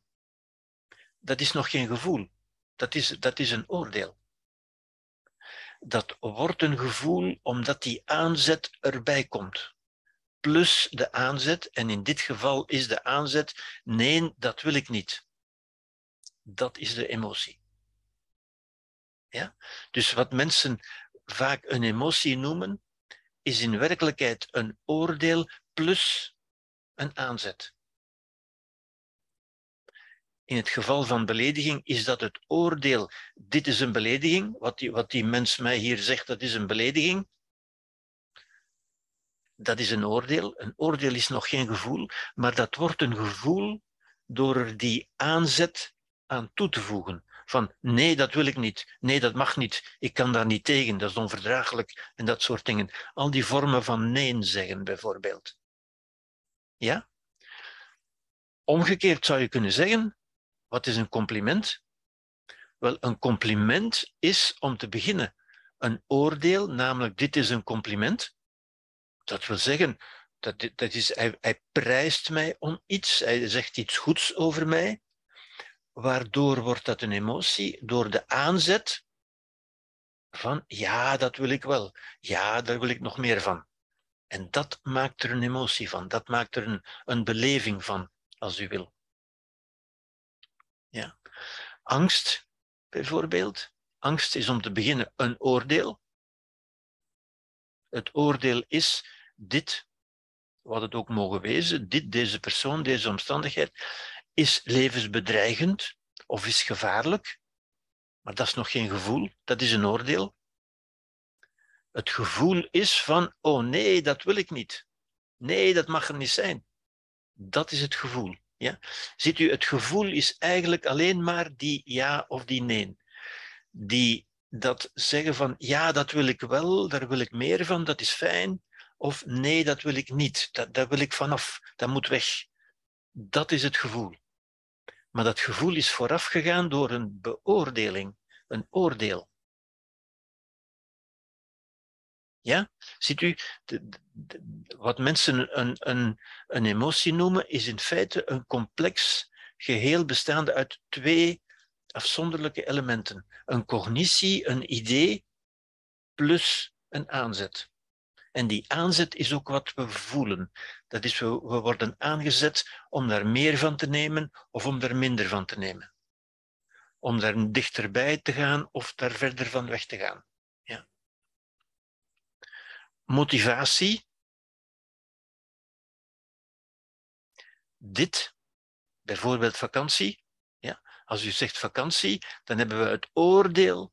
Ah, vakantie is fijn, dat is een goed idee. Dat is het oordeel. De motivatie, de, de, de emotie is weer de aanzet die we eraan toevoegen hè, van ja, dat wil ik wel. Vakantie is op zich geen emotie, dat is een idee. Zullen we op vakantie gaan? Ja? De emotie is van ja, dat wil ik wel. Oh ja, dat wil ik. Of omgekeerd, voor, voor een bedreiging of voor iets wat angstigend is. Nee, dat wil ik niet. Die ja en die nee, dat is de echte emotie. De rest is oordeel, is cognitie, met andere woorden. Ja? Dit is onrechtvaardig. Als u iets als onrechtvaardig beoordeelt, wat is dan de emotie? Onrechtvaardig is geen emotie, hè? dat is een oordeel. U vindt iets onrechtvaardig of rechtvaardig, of, of goed of niet goed. Hè? Dat is het oordeel. De emotie daarbij is: nee, dat wil ik niet. Ik wil niet, niets wat onrechtvaardig is. Ik wil dat niet. Dat is de emotie. Dat is de aanzet. De emotie. Een emotie is wat u in motie zet. Ja. Wat motiveert ook. Motiveert is hetzelfde woord eigenlijk. Ja. Wat u in motie zet. Motie is beweging. Zoals een motor. Het woord motor komt ook vandaar uiteindelijk. Ja? Ziet u, dus dit is een verhaal, een oordeel. Oordeel is hetzelfde woord als verhaal in feite. Hè? Als ik het beoordeel als een belediging, dan ontstaat de emotie nee. Ja? Maar een belediging is niet iets wat u kunt voelen. Het is een oordeel.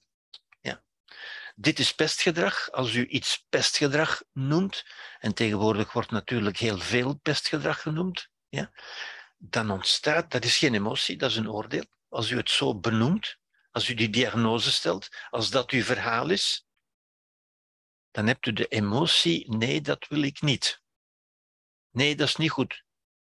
Daar heb ik niet om gevraagd. Al dat nee-denken, die, die nee-logica uiteindelijk. Ja. de verwarring is vaak, en die wordt zo vaak gemaakt dat, dat ze niet opvalt natuurlijk, hè, dat het woordje voelen of aanvoelen ook vaak gebruikt wordt om een mening of een interpretatie te geven.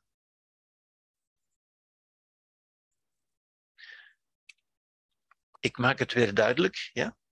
Mensen zeggen bijvoorbeeld, en dit wordt zo gezegd, hè, ik voel dat ik je niet kan vertrouwen. Nu, dit, is, dit kan eigenlijk niet. Ja? Wat wordt hier gezegd? Wat wordt hier eigenlijk gezegd? Wel, hier wordt gezegd dat dat is geen gevoel, maar een oordeel. Ja? Ik voel dat ik je niet kan vertrouwen. Dat wil eigenlijk zeggen, ik heb het oordeel, ik denk, ik bedenk dat ik je niet kan vertrouwen en dat vind ik niet goed. Dat wil ik niet. En die, dat wil ik niet, dat is weer het gevoel natuurlijk. Hè? Maar het is een oordeel. Ik voel dat ik je niet kan vertrouwen, dat is een oordeel waar de aanzet, de emotie bij komt van en dat wil ik niet. Dat is de ondertiteling, bij wijze van spreken. Ja? Maar ziet u, als mensen dat zeggen, ik voel dat ik je niet kan vertrouwen, dan lijkt dat, en mensen gebruiken het ook zo, ja? dan lijkt dat dat u, dat u diepzinnig bent, dat u diep kunt voelen, dat u de realiteit kunt voelen, terwijl u de realiteit nooit kunt voelen. U kunt alleen de realiteit bekijken, de waarneming, daar een oordeel over geven en daar hebt u een gevoel bij. U voelt niet de werkelijkheid. U voelt uw antwoord, uw respons op de werkelijkheid. Heel belangrijk natuurlijk. Heel belangrijk om in te zien als u een zorgvuldiger op een zorgvuldiger manier wil omgaan met, met communicatie, maar ook met uzelf. Als u uzelf beter wil, wil leren begrijpen, ja, dan is dat ook van het grootste belang dat u dat, dat spel van, van cognitie en emotie leert begrijpen. Ja? Gevoelens kunnen alleen over onszelf gaan. niet over de realiteit. Gevoelens gaan niet over de realiteit, wel over uw beoordeling van de realiteit. Gevoelens over anderen zijn altijd oordelen.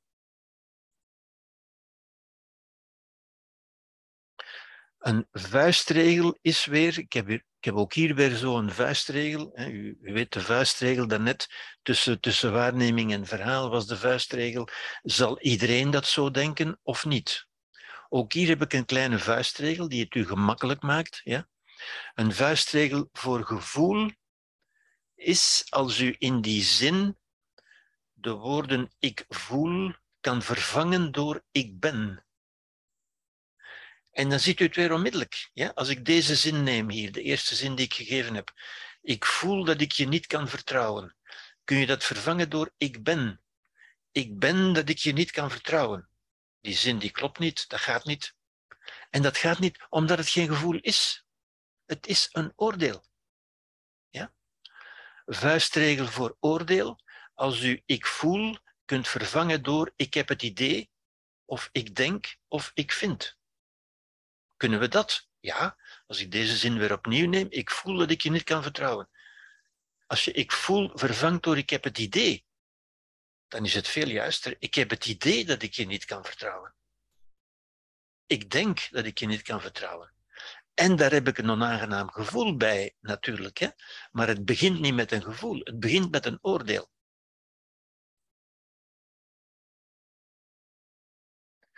Niet Zeg dus niet.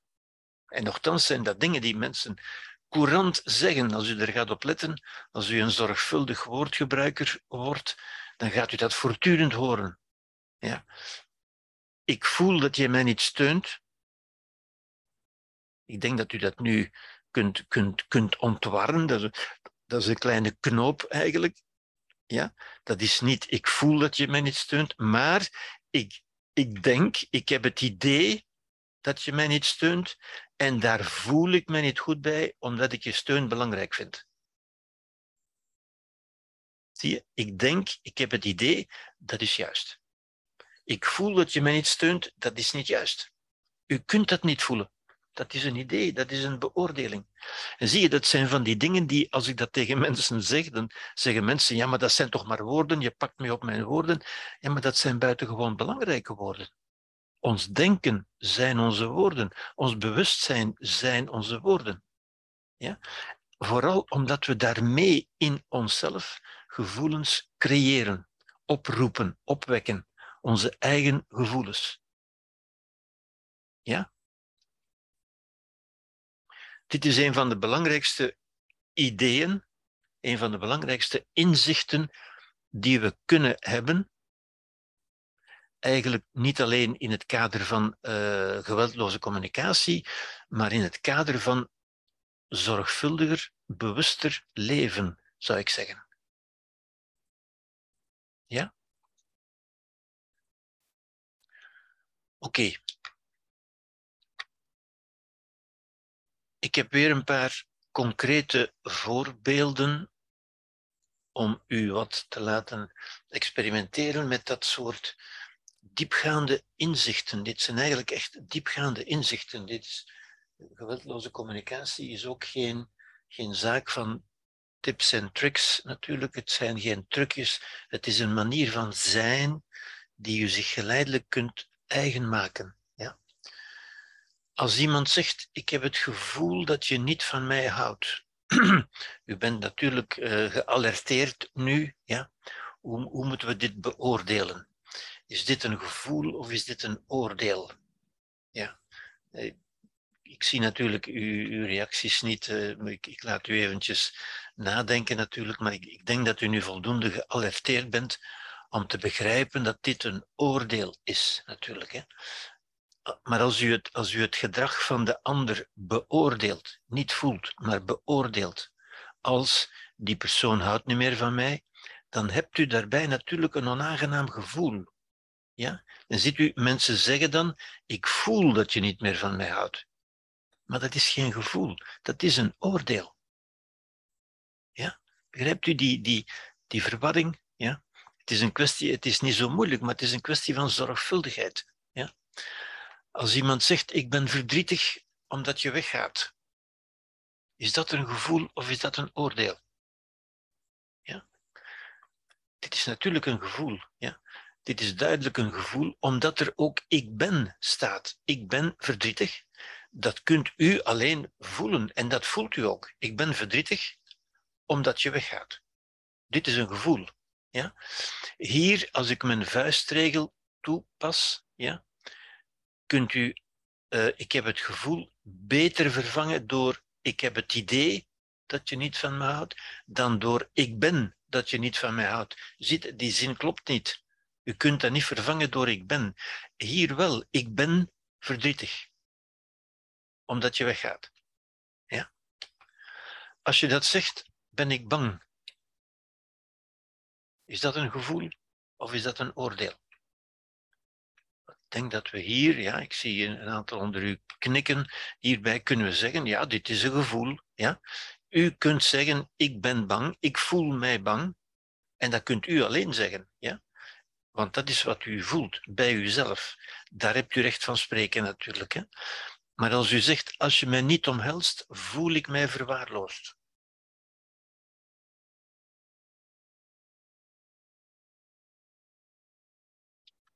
Dat is een oordeel. Waarom is dat een oordeel?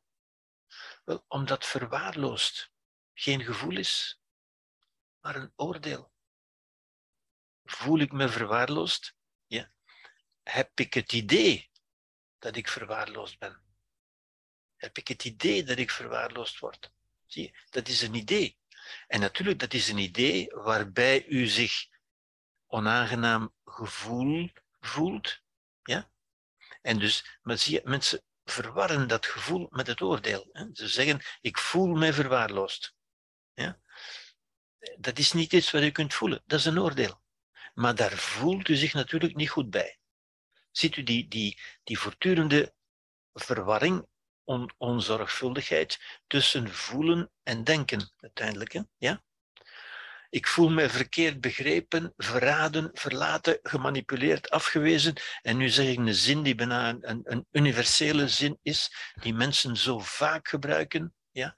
Je hoort dat ook in, in interviews zo vaak uh, op, op televisie. Hoe voelt u zich daarbij? En ik voel me zus en ik voel mij zo. Zoals hier staat, ik voel me verkeerd begrepen, verraden, verlaten, gemanipuleerd, afgewezen en zo verder. Ja? Uiteindelijk zijn het allemaal oordelen.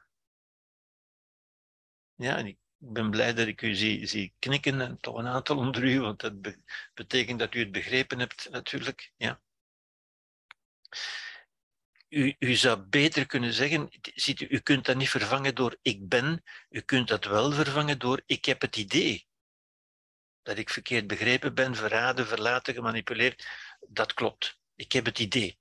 En ik voel me daar natuurlijk niet goed bij. Het komt er niet op aan van die gevoelens te ontkennen, natuurlijk. Hè?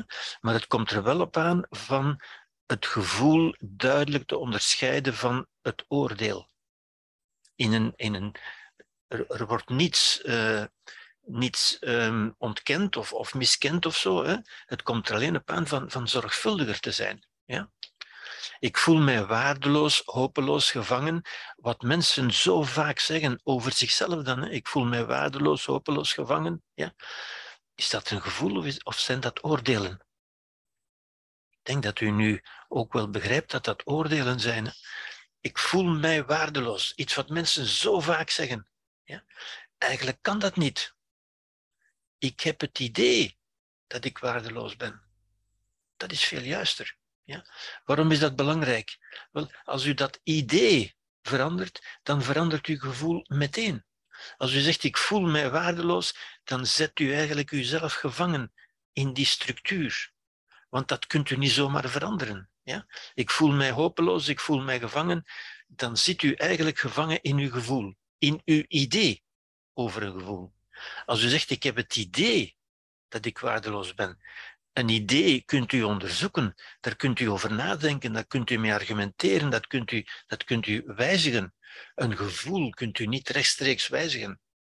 Maar als u zegt, ik, ik heb het idee dat ik waardeloos ben, dan kunt u zich gaan afvragen, is dat wel waar? Ben, ben ik wel echt waardeloos? Waaruit blijkt dat? Wat zijn de argumenten? Waaruit wordt dat bewezen? En zo verder. En u kunt in dit geval met uzelf een redelijke, de, redelijke dialoog aangaan. Ja? Dus het is belangrijk van dat onderscheid te maken, ja? omdat dat u een groter, niet alleen een groter inzicht geeft in hoe het functioneert bij uzelf en dus ook bij anderen, maar omdat dat ook een grotere uh, greep geeft, een grotere mogelijkheid om er iets aan te doen. Ja? Een idee, daarover kunt u nadenken, u kunt dat bediscuteren, u kunt onderzoeken of het wel waar is. Ja? Een gevoel, dat is, dat is altijd waar natuurlijk. Hè? U voelt wat u voelt kunt niet zeggen dat uw gevoel waar of niet waar is, maar uw gevoel is gewoon een gevolg van het idee. Zoals uw gevoel een gevolg is van het idee dat u kanker hebt. U kunt niet voelen dat u kanker hebt, maar u voelt u slecht als u gelooft dat u kanker hebt. Ja? Als iemand uw lichaam zonder uw toestemming zou willen gebruiken, zou u dat verontwaardigd van de hand wijzen. Zeker in onze tijd natuurlijk. Ja? Ik denk dat iedereen het ermee eens is. Als iemand uw, uw lichaam zou willen gebruiken zonder uw toestemming, ja, dan zijn we verontwaardigd natuurlijk. Ja? Maar als u de macht over uw emoties zonder meer aan anderen en aan omstandigheden overlaat, vindt u dat normaal en zelfs een teken van grote gevoeligheid. Mensen noemen zich zo gevoelig. Van wie is deze tekst? kan uw antwoord niet horen natuurlijk, maar de tekst is van Epictetus, een van de Grieks-Romeinse humanistische filosofen ja, uit de eerste, eerste en tweede eeuw, ja, die zo waar is. Ja? En het is toch ook merkwaardig dan dat we zo zorgvuldig zijn op ons, op ons lichaam, zo, zo, zo, ja, zo preuts zou ik bijna zeggen, niemand mag eraan komen, maar dat we anderen zonder meer onze emoties, of dat we althans denken dat anderen onze emoties en dat we dat normaal vinden. Dat we het normaal vinden dat anderen onze emoties kunnen geven, ons kwaad kunnen maken of ons angstig kunnen maken en dat we dat, een, een, dat, we dat positief beoordelen, want dat is een teken van grote gevoeligheid. Ja? Terwijl ik denk dat ik die grote gevoeligheid vaak moet toeschrijven aan een grote mate van, van onzorgvuldigheid, van een gebrek aan inzicht, een gebrek aan redelijkheid in hoe onze emoties eigenlijk functioneren, een gebrek aan inzicht in uzelf. En u, ziet ook, hè, dat is ook altijd mijn insteek natuurlijk, hè, waarom uh, wil ik het over, over um, geweldloze communicatie hebben? Wel, omdat, dat ons, omdat het een aanleiding is voor mij natuurlijk om na te denken over het functioneren van de mens. Om, om de mens, met name uzelf, maar ook anderen, beter te leren kennen. Meer inzicht te hebben daarin. Oké. Ja, punt drie. Um, gaat over verhalen en behoeften. Ik denk dat ik dit zal uitstellen tot uh, volgende keer, omdat ik zie dat er nu ook al een aantal interessante vragen zijn en ik toch nog wat tijd wil laten voor de vragen ook. Oké, dus ik ga mijn um, scherm hierbij terugzetten en ik nodig u uit om uw cameraatje aan te zetten en uw stem te verheffen als u vragen wil stellen. Ik zie dat er wel wat vragen zijn hier. Ja. Het, zijn, het, is, ook, het is ook een interessant punt natuurlijk. Hè? Ik zie hier al een Eerste vraag van, van Annick Hoefnagels. Aha. Geldt die bron van lijden ook voor verdriet? Um, het korte antwoord is ja. Met dien verstande dat een kind niet kan wat een volwassene wel kan, namelijk daarover nadenken. Uh, pardon, ik, ik, antwoord op een andere vraag. Pardon, excuseer. Uh, dat geldt ook voor verdriet, inderdaad. inderdaad ja. Um, verdriet neemt men algemeen aan, is geen eenvoudige emotie. Het is een samengestelde emotie die voor een stuk bestaat uit uh, boosheid en voor een stuk uit angst. En voor een stuk de beoordeling. Het komt uit, zoals alle emoties, hè, dat geldt zonder meer, het is ook een beoordeling, ja? maar er is de beoordeling van dit is niet rechtvaardig of dit is niet wat ik gevraagd heb. Ja? Maar er is ook de beoordeling bij van hier ben ik machteloos tegenover. Mm En als u zich machteloos beoordeelt, als u beseft dat u machteloos bent, omdat bijvoorbeeld, ja, ik zou zeggen, als iemand overleden is, daar kunt u niks aan doen. Daar bent u, u bent effectief machteloos. U bent ook machteloos daar. Ja? En dat besef maakt dat de woede, de woede dient om iets of iemand uit uw leven weg te jagen. Ja? Maar als u beseft dat er iets is wat u niet kunt wegjagen, bijvoorbeeld iemand die overleden is, of iemand die een relatie met u verbroken heeft, of, of, of wat dan ook, waarvan u beseft, hier ben ik toch machteloos, dan wordt die woede meer verdriet. Dan noemen we dat verdriet. En tegelijk zit daar ook de, de angst bij van dit zal nog gebeuren, dit zal nooit meer overgaan en, en dat soort dingen. Verdriet is een complexe beleving, is niet een, een, een, een eenvoudige emotie, zou ik zeggen. Ja. Maar er zit duidelijk, het is heel duidelijk dat ook daar een oordeel in zit.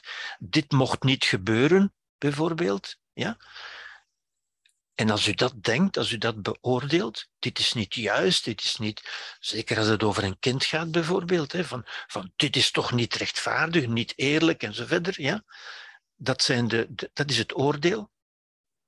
En daar komt bij de emotie dan van, dit moet weg bijvoorbeeld, hè, dit, dit moet weg, ik wil dat weg hebben. Hm. Maar als daarbij ook het oordeel komt van, dit kan ik niet weg, dit kan niet weg, want het is gebeurd dan, dan is er ook dat oordeel van machteloosheid en ontstaat dat, die typische beleving van, van verdriet. Hè. Verdriet is eigenlijk een beetje machteloze woede, zou je kunnen zeggen. Ja? Maar tegelijk is er ook het, besef van, ik, ik kan er niks aan doen.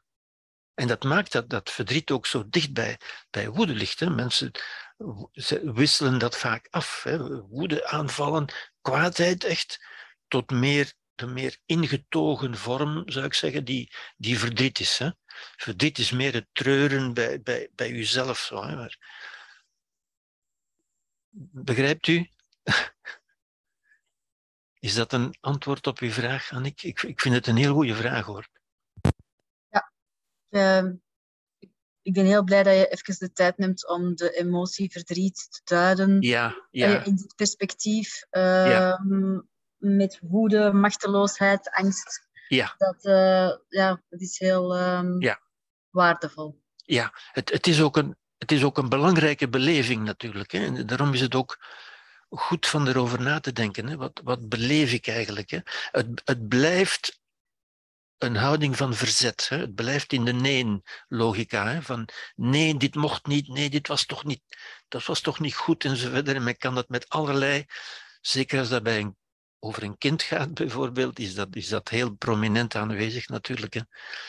En tegelijk ook die, die machteloosheid, dat besef ja. van ik krijg dit niet weg, dit gaat nooit meer voorbij. En dat is ook waar, dat gaat nooit voorbij. Ja? De feiten gaan nooit voorbij. Ik denk ook dat um, de emotie, het huilen, hè, dat is ook iets heel zichtbaar. Ja. Misschien ja. zichtbaarder dan angst of zo. Ja. Of dan, ja. woede kan ook nog vrij fysiek geuit worden, maar tranen, ja. die komen gewoon ineens, hè. Bats, die zijn er. En, en, ja. Ja. waar komen die dan vandaan? Hè? Ja. Dan ga je daarover nadenken. En het is, ook, het is voor vele mensen ook moeilijk om dat verzet op te geven. Hè? Want ze zeggen vaak, ja, maar ik kan toch niet, niet iets aanvaarden dat onaanvaardbaar is als u het onaanvaardbaar noemt, maar ook dat is een oordeel, hè? Ja? ja. dan maakt u jezelf moeilijk om het te aanvaarden. Hoe kan ik nu iets aanvaarden dat onaanvaardbaar is? Het is pas als ik mijn oordeel, mijn verhaal ga veranderen. Van dit, dit is niet onaanvaardbaar. Dit is hoogst onaangenaam, maar niet onaanvaardbaar. Ja. En als u zegt, ik, ik kan dit aanvaarden. Ik wil dit aanvaarden. Zie je, dan zet u een stap naar vrede, naar peace of mind. Ja? En Ja. dan verdwijnt ook die, die, die emotie. Ja? Oké. Hartelijk dank. Ja? Oké, eh, er was nog een vraag die ik. Ja. voilà, geldt die bron van emotie ook bij baby's of bij kinderen? Ja. Ehm, dat was de vraag die ik bij u eh, begonnen ben te antwoorden, maar dat was een verkeerd antwoord op, op uw vraag. Maar de vraag hier is natuurlijk, dat geldt voor baby's eigenlijk ook. Alleen kunnen baby's onmogelijk die zorgvuldige gedachtegang ontwikkelen die een volwassene kan. Ja? Een, een baby of, of een kind kan dat niet analyseren zoals een volwassene, heeft niet dat bewustzijnsvermogen, dat, dat, dat re- redelijke vermogen om daar zo over na te denken. Een kind ondergaat dat veel meer, natuurlijk. Ja? Maar het geldt in principe natuurlijk ook voor een kind. Hè? Maar bij een kind moet, moeten we zeggen, bij een kind is dat verzet daartegen van dit is niet wat ik wil. Dat is ook een cognitieve component natuurlijk. Hè? Maar een kind kan daar niet over, over, over reflecteren. En daarbij heeft het de hulp van een volwassene nodig. Die, die aan dat kind kan zeggen van, maar dit kan wel, hè, het, is, het is wel mogelijk, je kunt daar wel rustig onder blijven en zo, en zo verder. Ja. Een kind heeft in die zin de, de inspiratie nodig van volwassenen, de wijsheid van volwassenen. Heeft een kind echt nodig, omdat hij het zelf niet kan, niet kan opbrengen. Ja. Dat legt dus ook een grote verantwoordelijkheid bij, bij volwassenen. Een grote verantwoordelijkheid en een, een plicht, denk ik, tot, tot, tot zeer zorgvuldig zijn. Ja? Volwassenen zeggen soms onnadenkend eh, dingen tegen kinderen, waar kinderen soms zware conclusies uittrekken die, die, die ze blijven meenemen. Ja? En volwassenen zijn daar vaak niet voldoende bewust van. Misschien, Lieve, wil je daar nog iets aan toevoegen? Want het, Lieve eh, Kuppens, ja, ja, ik zie ja, u reageren. Ja. Wat ik er zou willen aan toevoegen is dat ik vermoed dat de meeste mensen, kinderen, niet geleerd worden door hun ouders, omdat zij het ook niet geleerd hebben, Ja, die onderscheiden te maken. absoluut, absoluut. Dus Ja, ja. Het is een verschrikkelijke fout dat dat niet in het onderwijs gebeurt. Ja, Omdat ja. het moet door deskundigen gebeuren en ouders zijn momenteel Ehm, niet genoeg ja. gewapend om dat te doen. Ehm, ik ben het met u eens, maar ik wil daar toch een voetnoot bij plaatsen, een, een bémol, zoals men zegt in het Frans. Namelijk dat ik vind, ik denk, ik ben van mening, dat is een mening, hè, dat is geen wetenschappelijk feit, maar het is een mening, dat ik denk dat dat niet de primaire taak van het onderwijs is, maar wel van opvoeding. En ook daar maken we niet voldoende onderscheid. Ja? Onderwijs heeft daar natuurlijk een rol in te spelen, maar het is vooral eigenlijk ideaal gezien, ik ben soms een beetje een utopisch denker, zo, hè, eigenlijk zou elke volwassene daarvan een model moeten zijn. En het is dus niet, daar ben ik het niet eens met u, dat dat een taak is van deskundigen. Dat zou een taak moeten zijn van elke volwassene. Maar het is toch ehm, niet mogelijk om in een maatschappij waar dat nog niet gekend is, die vorm van communicatie, Ja. om dat te implementeren, Ja, om dat aan de ouders over, die verantwoordelijkheid aan de ouders over te dragen, ja. daar waar ze het niet weten. We moeten ooit eens met een generatie beginnen die het wel kent. En dat zou een vaardigheid zijn om te leren in scholen en op de werkplek. Ja. Daar ben ik het wel mee eens, inderdaad. inderdaad. Ik, ik spreek een beetje utopisch. Hè. In, het, in het ideale geval zou elke volwassene daarvan een model moeten zijn voor elk kind. Maar ik geef absoluut, je hebt helemaal gelijk, we zijn daar ver af en we kunnen niet, niet alle volwassenen eh, om, omturnen, zou ik zeggen. Ja. En om ergens te beginnen eh, is het onderwijs natuurlijk. Ja. Ja. ja. Wenden we ons tot het onderwijs, ja, inderdaad. Maar ik denk dat we toch ook niet moeten vergeten dat als kinderen in het onderwijs komen, er al een hele weg afgelegd is in feite. Hè? Die heel vaak wordt uitbesteed aan anderen. Ja. ja. Van in de crash. In de crash, ja, inderdaad. Ja, ja dat is waar. Dat is waar. Ja. Het kapitalistische model, hè? Ja, ja, ja. ja. Oké. Okay. Um, zijn er nog vragen? Wil iemand een vraag stellen misschien? Ja, Marie, Marie Roos. Ja. ja. Ik zou even willen aansluiten bij, bij dat voorbeeld dat u gaf over een dokter die zegt: uh, Je hebt kanker. Of, hè, maar als dat, als dat nu werkelijk een feit is en hij zegt: Ja, het is zo, dan ga je in eerste instantie reageren met een bepaalde angst of het niet willen horen. Ook. Mm -hmm, ja. En dat is natuurlijk uw, uw emotie, uw gevoel. Ja. Of bijvoorbeeld zegt men nu, uh, dat orgaan werkt niet meer. Ja. Dan ga je ook reageren als eerste instantie zo, Ja. maar is daar niks aan te doen? Ja, ja, En natuurlijk. doen. natuurlijk. Zeggen ze nee, ja, dan heb je nog altijd de mogelijkheid van zelf te zoeken. Ja. Om daar iets aan te doen. Ja. Want eigenlijk is het toch ook een beetje zo dat hetgeen een dokter u op dat moment zegt, dat is wel een feit, maar gesteund op hun oordeel. Ik, ik Terwijl- ben het ermee Ja, eens hoor. een oordeel of een feit, of, of ja, het is een feit, maar ja, Mhm. dat Ik ben het daarmee eens. Hè. Ik ben, ben het daarmee eens. In dat geval is het moet inderdaad een feit. Maar Mhm. zelfs in dat geval, en dat, dat heb ik willen aantonen natuurlijk, hè, door, door, het, door, het, door het een beetje moeilijker te maken, Ja. zelfs in dat geval wordt uw emotie niet bepaald door dat feit, maar door uw reactie op dat feit.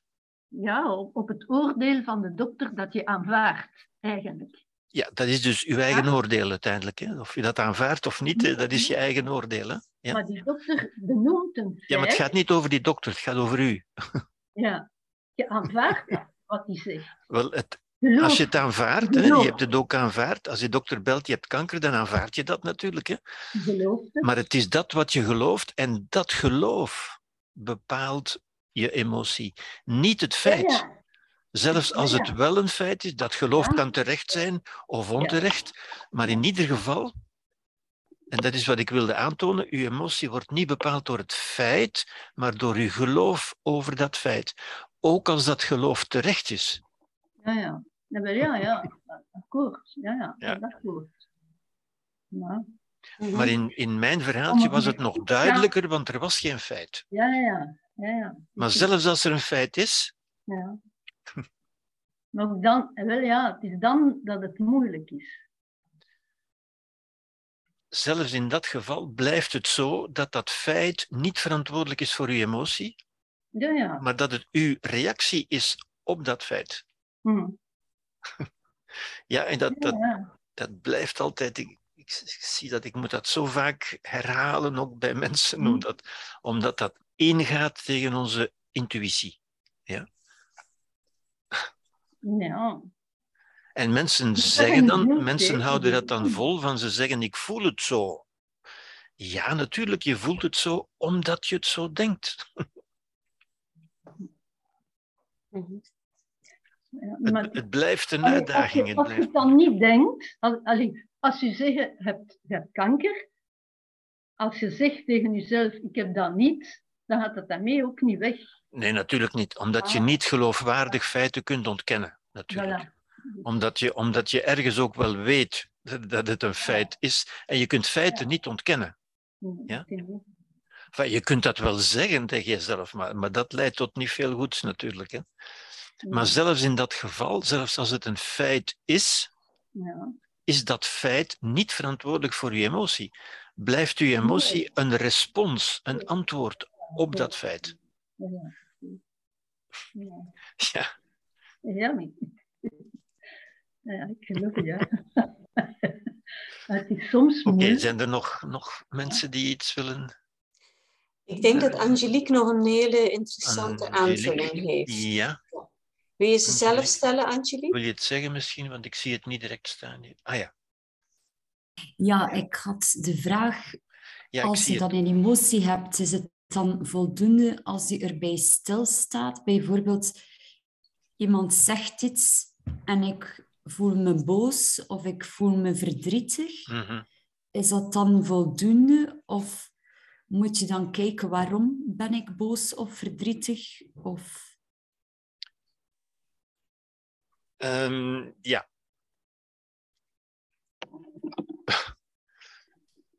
Eh, ik, ik heb het duidelijk proberen te stellen natuurlijk. De, de waarom-vraag is altijd een moeilijke vraag. Ja? Maar ik denk dat het duidelijker Ja. is als je, als je stelt, emoties hebben geen oorzaak, maar wel een doel. Wat is het doel van elke emotie? Van elke emotie. Ja? Nu, met, met, met aangename emoties hebben we, hebben we natuurlijk geen probleem. Ja? Maar met aangename emoties, wat is dan het doel van die aangename emoties? Die zet je aan om daarvan meer te hebben. Als je iets fijn vindt, dan wil je daar meer van. En dat is het doel van die emotie. Ja? Een onaangename emotie, wat is het doel van een onaangename emotie? Wel, van je aan te zetten tot iets doen om die onaangename emotie te doen verdwijnen. Dat is het doel. Ja? Er is geen oorzaak, er is een doel. Het doel is, ja, wat is het doel van woede bijvoorbeeld? Ja? Van iets uit je leven weg te jagen, te, te doen verdwijnen. Ja? En dat is juist wat, wat het, het wordt verdriet als je beseft dat dat niet kan, dat je dat niet kunt. Dan zit je in, inderdaad in die machteloosheid. Ja? Je beseft het. Dus dat is een, een, een cognitie. Je, je beseft dat je machteloos bent en dat, maakt je, je, dat, dat verandert je woede eigenlijk in, in, in verdriet, wat we verdriet noemen. Verdriet is iets waardoor je jezelf eigenlijk zit, zit ja, te verteren, bijna, zo zou ik zeggen. Ja. Angst heeft ook een doel. Angst heeft geen oorzaak. Niets beangstigt je. Angst is een respons op iets dat je beoordeelt als bedreigend of gevaarlijk, of in ieder geval ongewenst. En dat je probeert te ontvluchten. Ja. Angst zegt je in zekere zin, ik zie in je vraag staan, wat, wat wil die emotie je zeggen? Wel, die emotie zegt je, dat is de aanzet hè, van ga lopen, maak dat je wegkomt. En als je, als je plots voor een tijger staat, is dat het beste wat je kunt doen. En heel snel. ja? Dus die angst is daar heel nuttig. Van maak dat je wegkomt. Ja? Maar in, in onze cultuur waarin wij nu leven, zijn, zijn er heel veel mensen die angst hebben en toch zijn er betrekkelijk weinig tijgers. Wat eigenlijk betekent dat voor de meeste mensen de tijger in hun hoofd zit, in hun inbeelding. Ja.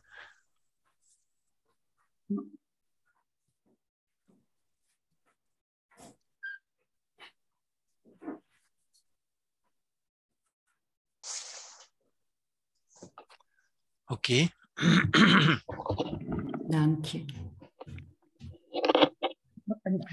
Zijn er nog, nog vragen of bedenkingen?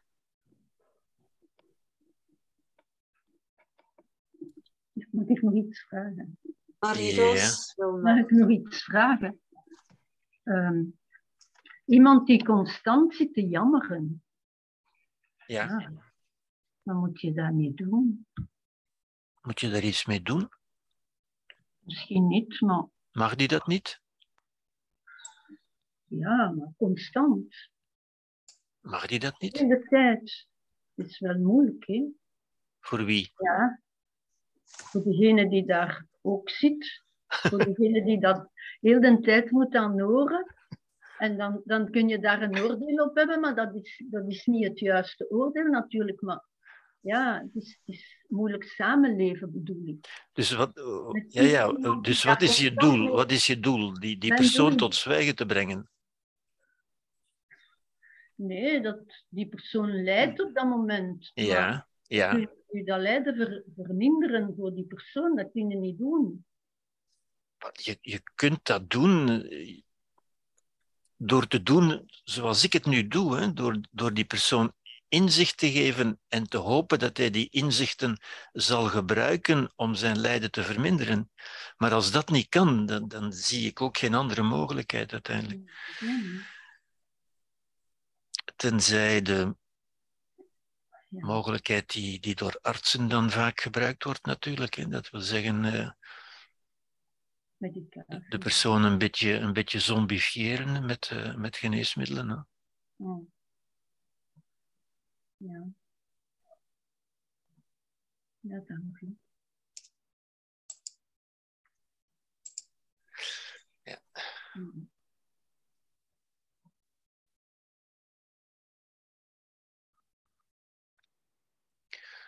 Oké, zijn er nog eh, bedenkingen?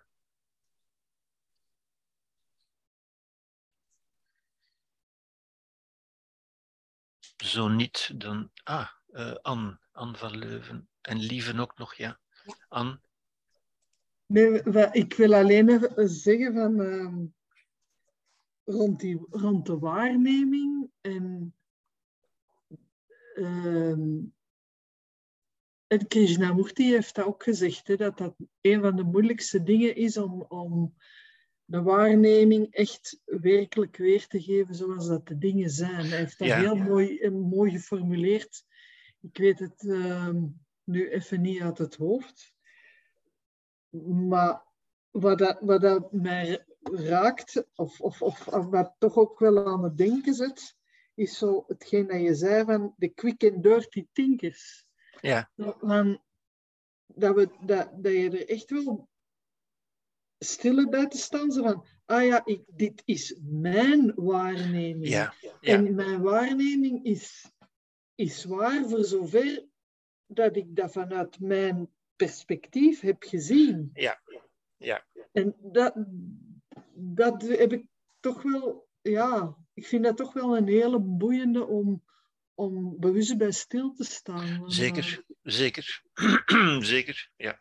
En dan is dat het verhaaltje van, van eh, de mannen die de olifant tegenkwamen. ja, eh, Ook een heel mooi verhaal natuurlijk. En- inderdaad, En dat inderdaad. bedenk ik mij soms zo van, ah ja, maar dat is mijn waarneming. Ja. Maar ik heb ik in het donker misschien alleen de staar betast. Of, Absoluut, of, absoluut. of de slurf. absoluut. Of, en, maar dat van de quick and dirty thinkers, dat vind ik eigenlijk een hele gebundelde, een hele mooie. Bedankt Ja. ervoor. Ja, ja.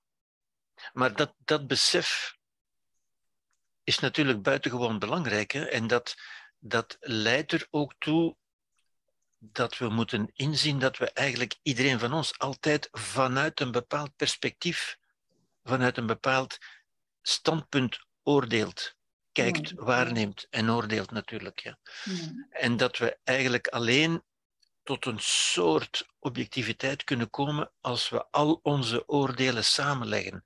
Zoals dat in de wetenschap gebeurt. Hè? In de wetenschap zal men nooit iets aanvaarden omdat één persoon dat gezegd of gedacht Ja. heeft. Ja? Ja. Maar zal men altijd verschillende onderzoekingen en opnieuw doen aan verschillende universiteiten om tot een gezamenlijk, om een beetje de, de individuele tekortkomingen te neutraliseren, de, de, de individuele blinde vlekken en, en cognitieve illusies en zo verder. Ja. Omdat we als, als individu zijn we zeer ehm, bevooroordeelde waarnemers natuurlijk. We kijken altijd vanuit ons perspectief. Ja Mm. ook in de filosofie trouwens. Hè. Va- Vandaar ook het, het, het hachelijke van mensen die zeggen, ik weet uit ervaring. Dan zeg ik altijd, ja, uw ervaring zegt alleen iets over uw ervaring. Zegt niets over de werkelijkheid, of heel weinig. Ja. Zegt iets over uw ervaring van de werkelijkheid. En die is, die is waardevol, maar dat zegt meer over de waarnemer dan over de werkelijkheid natuurlijk.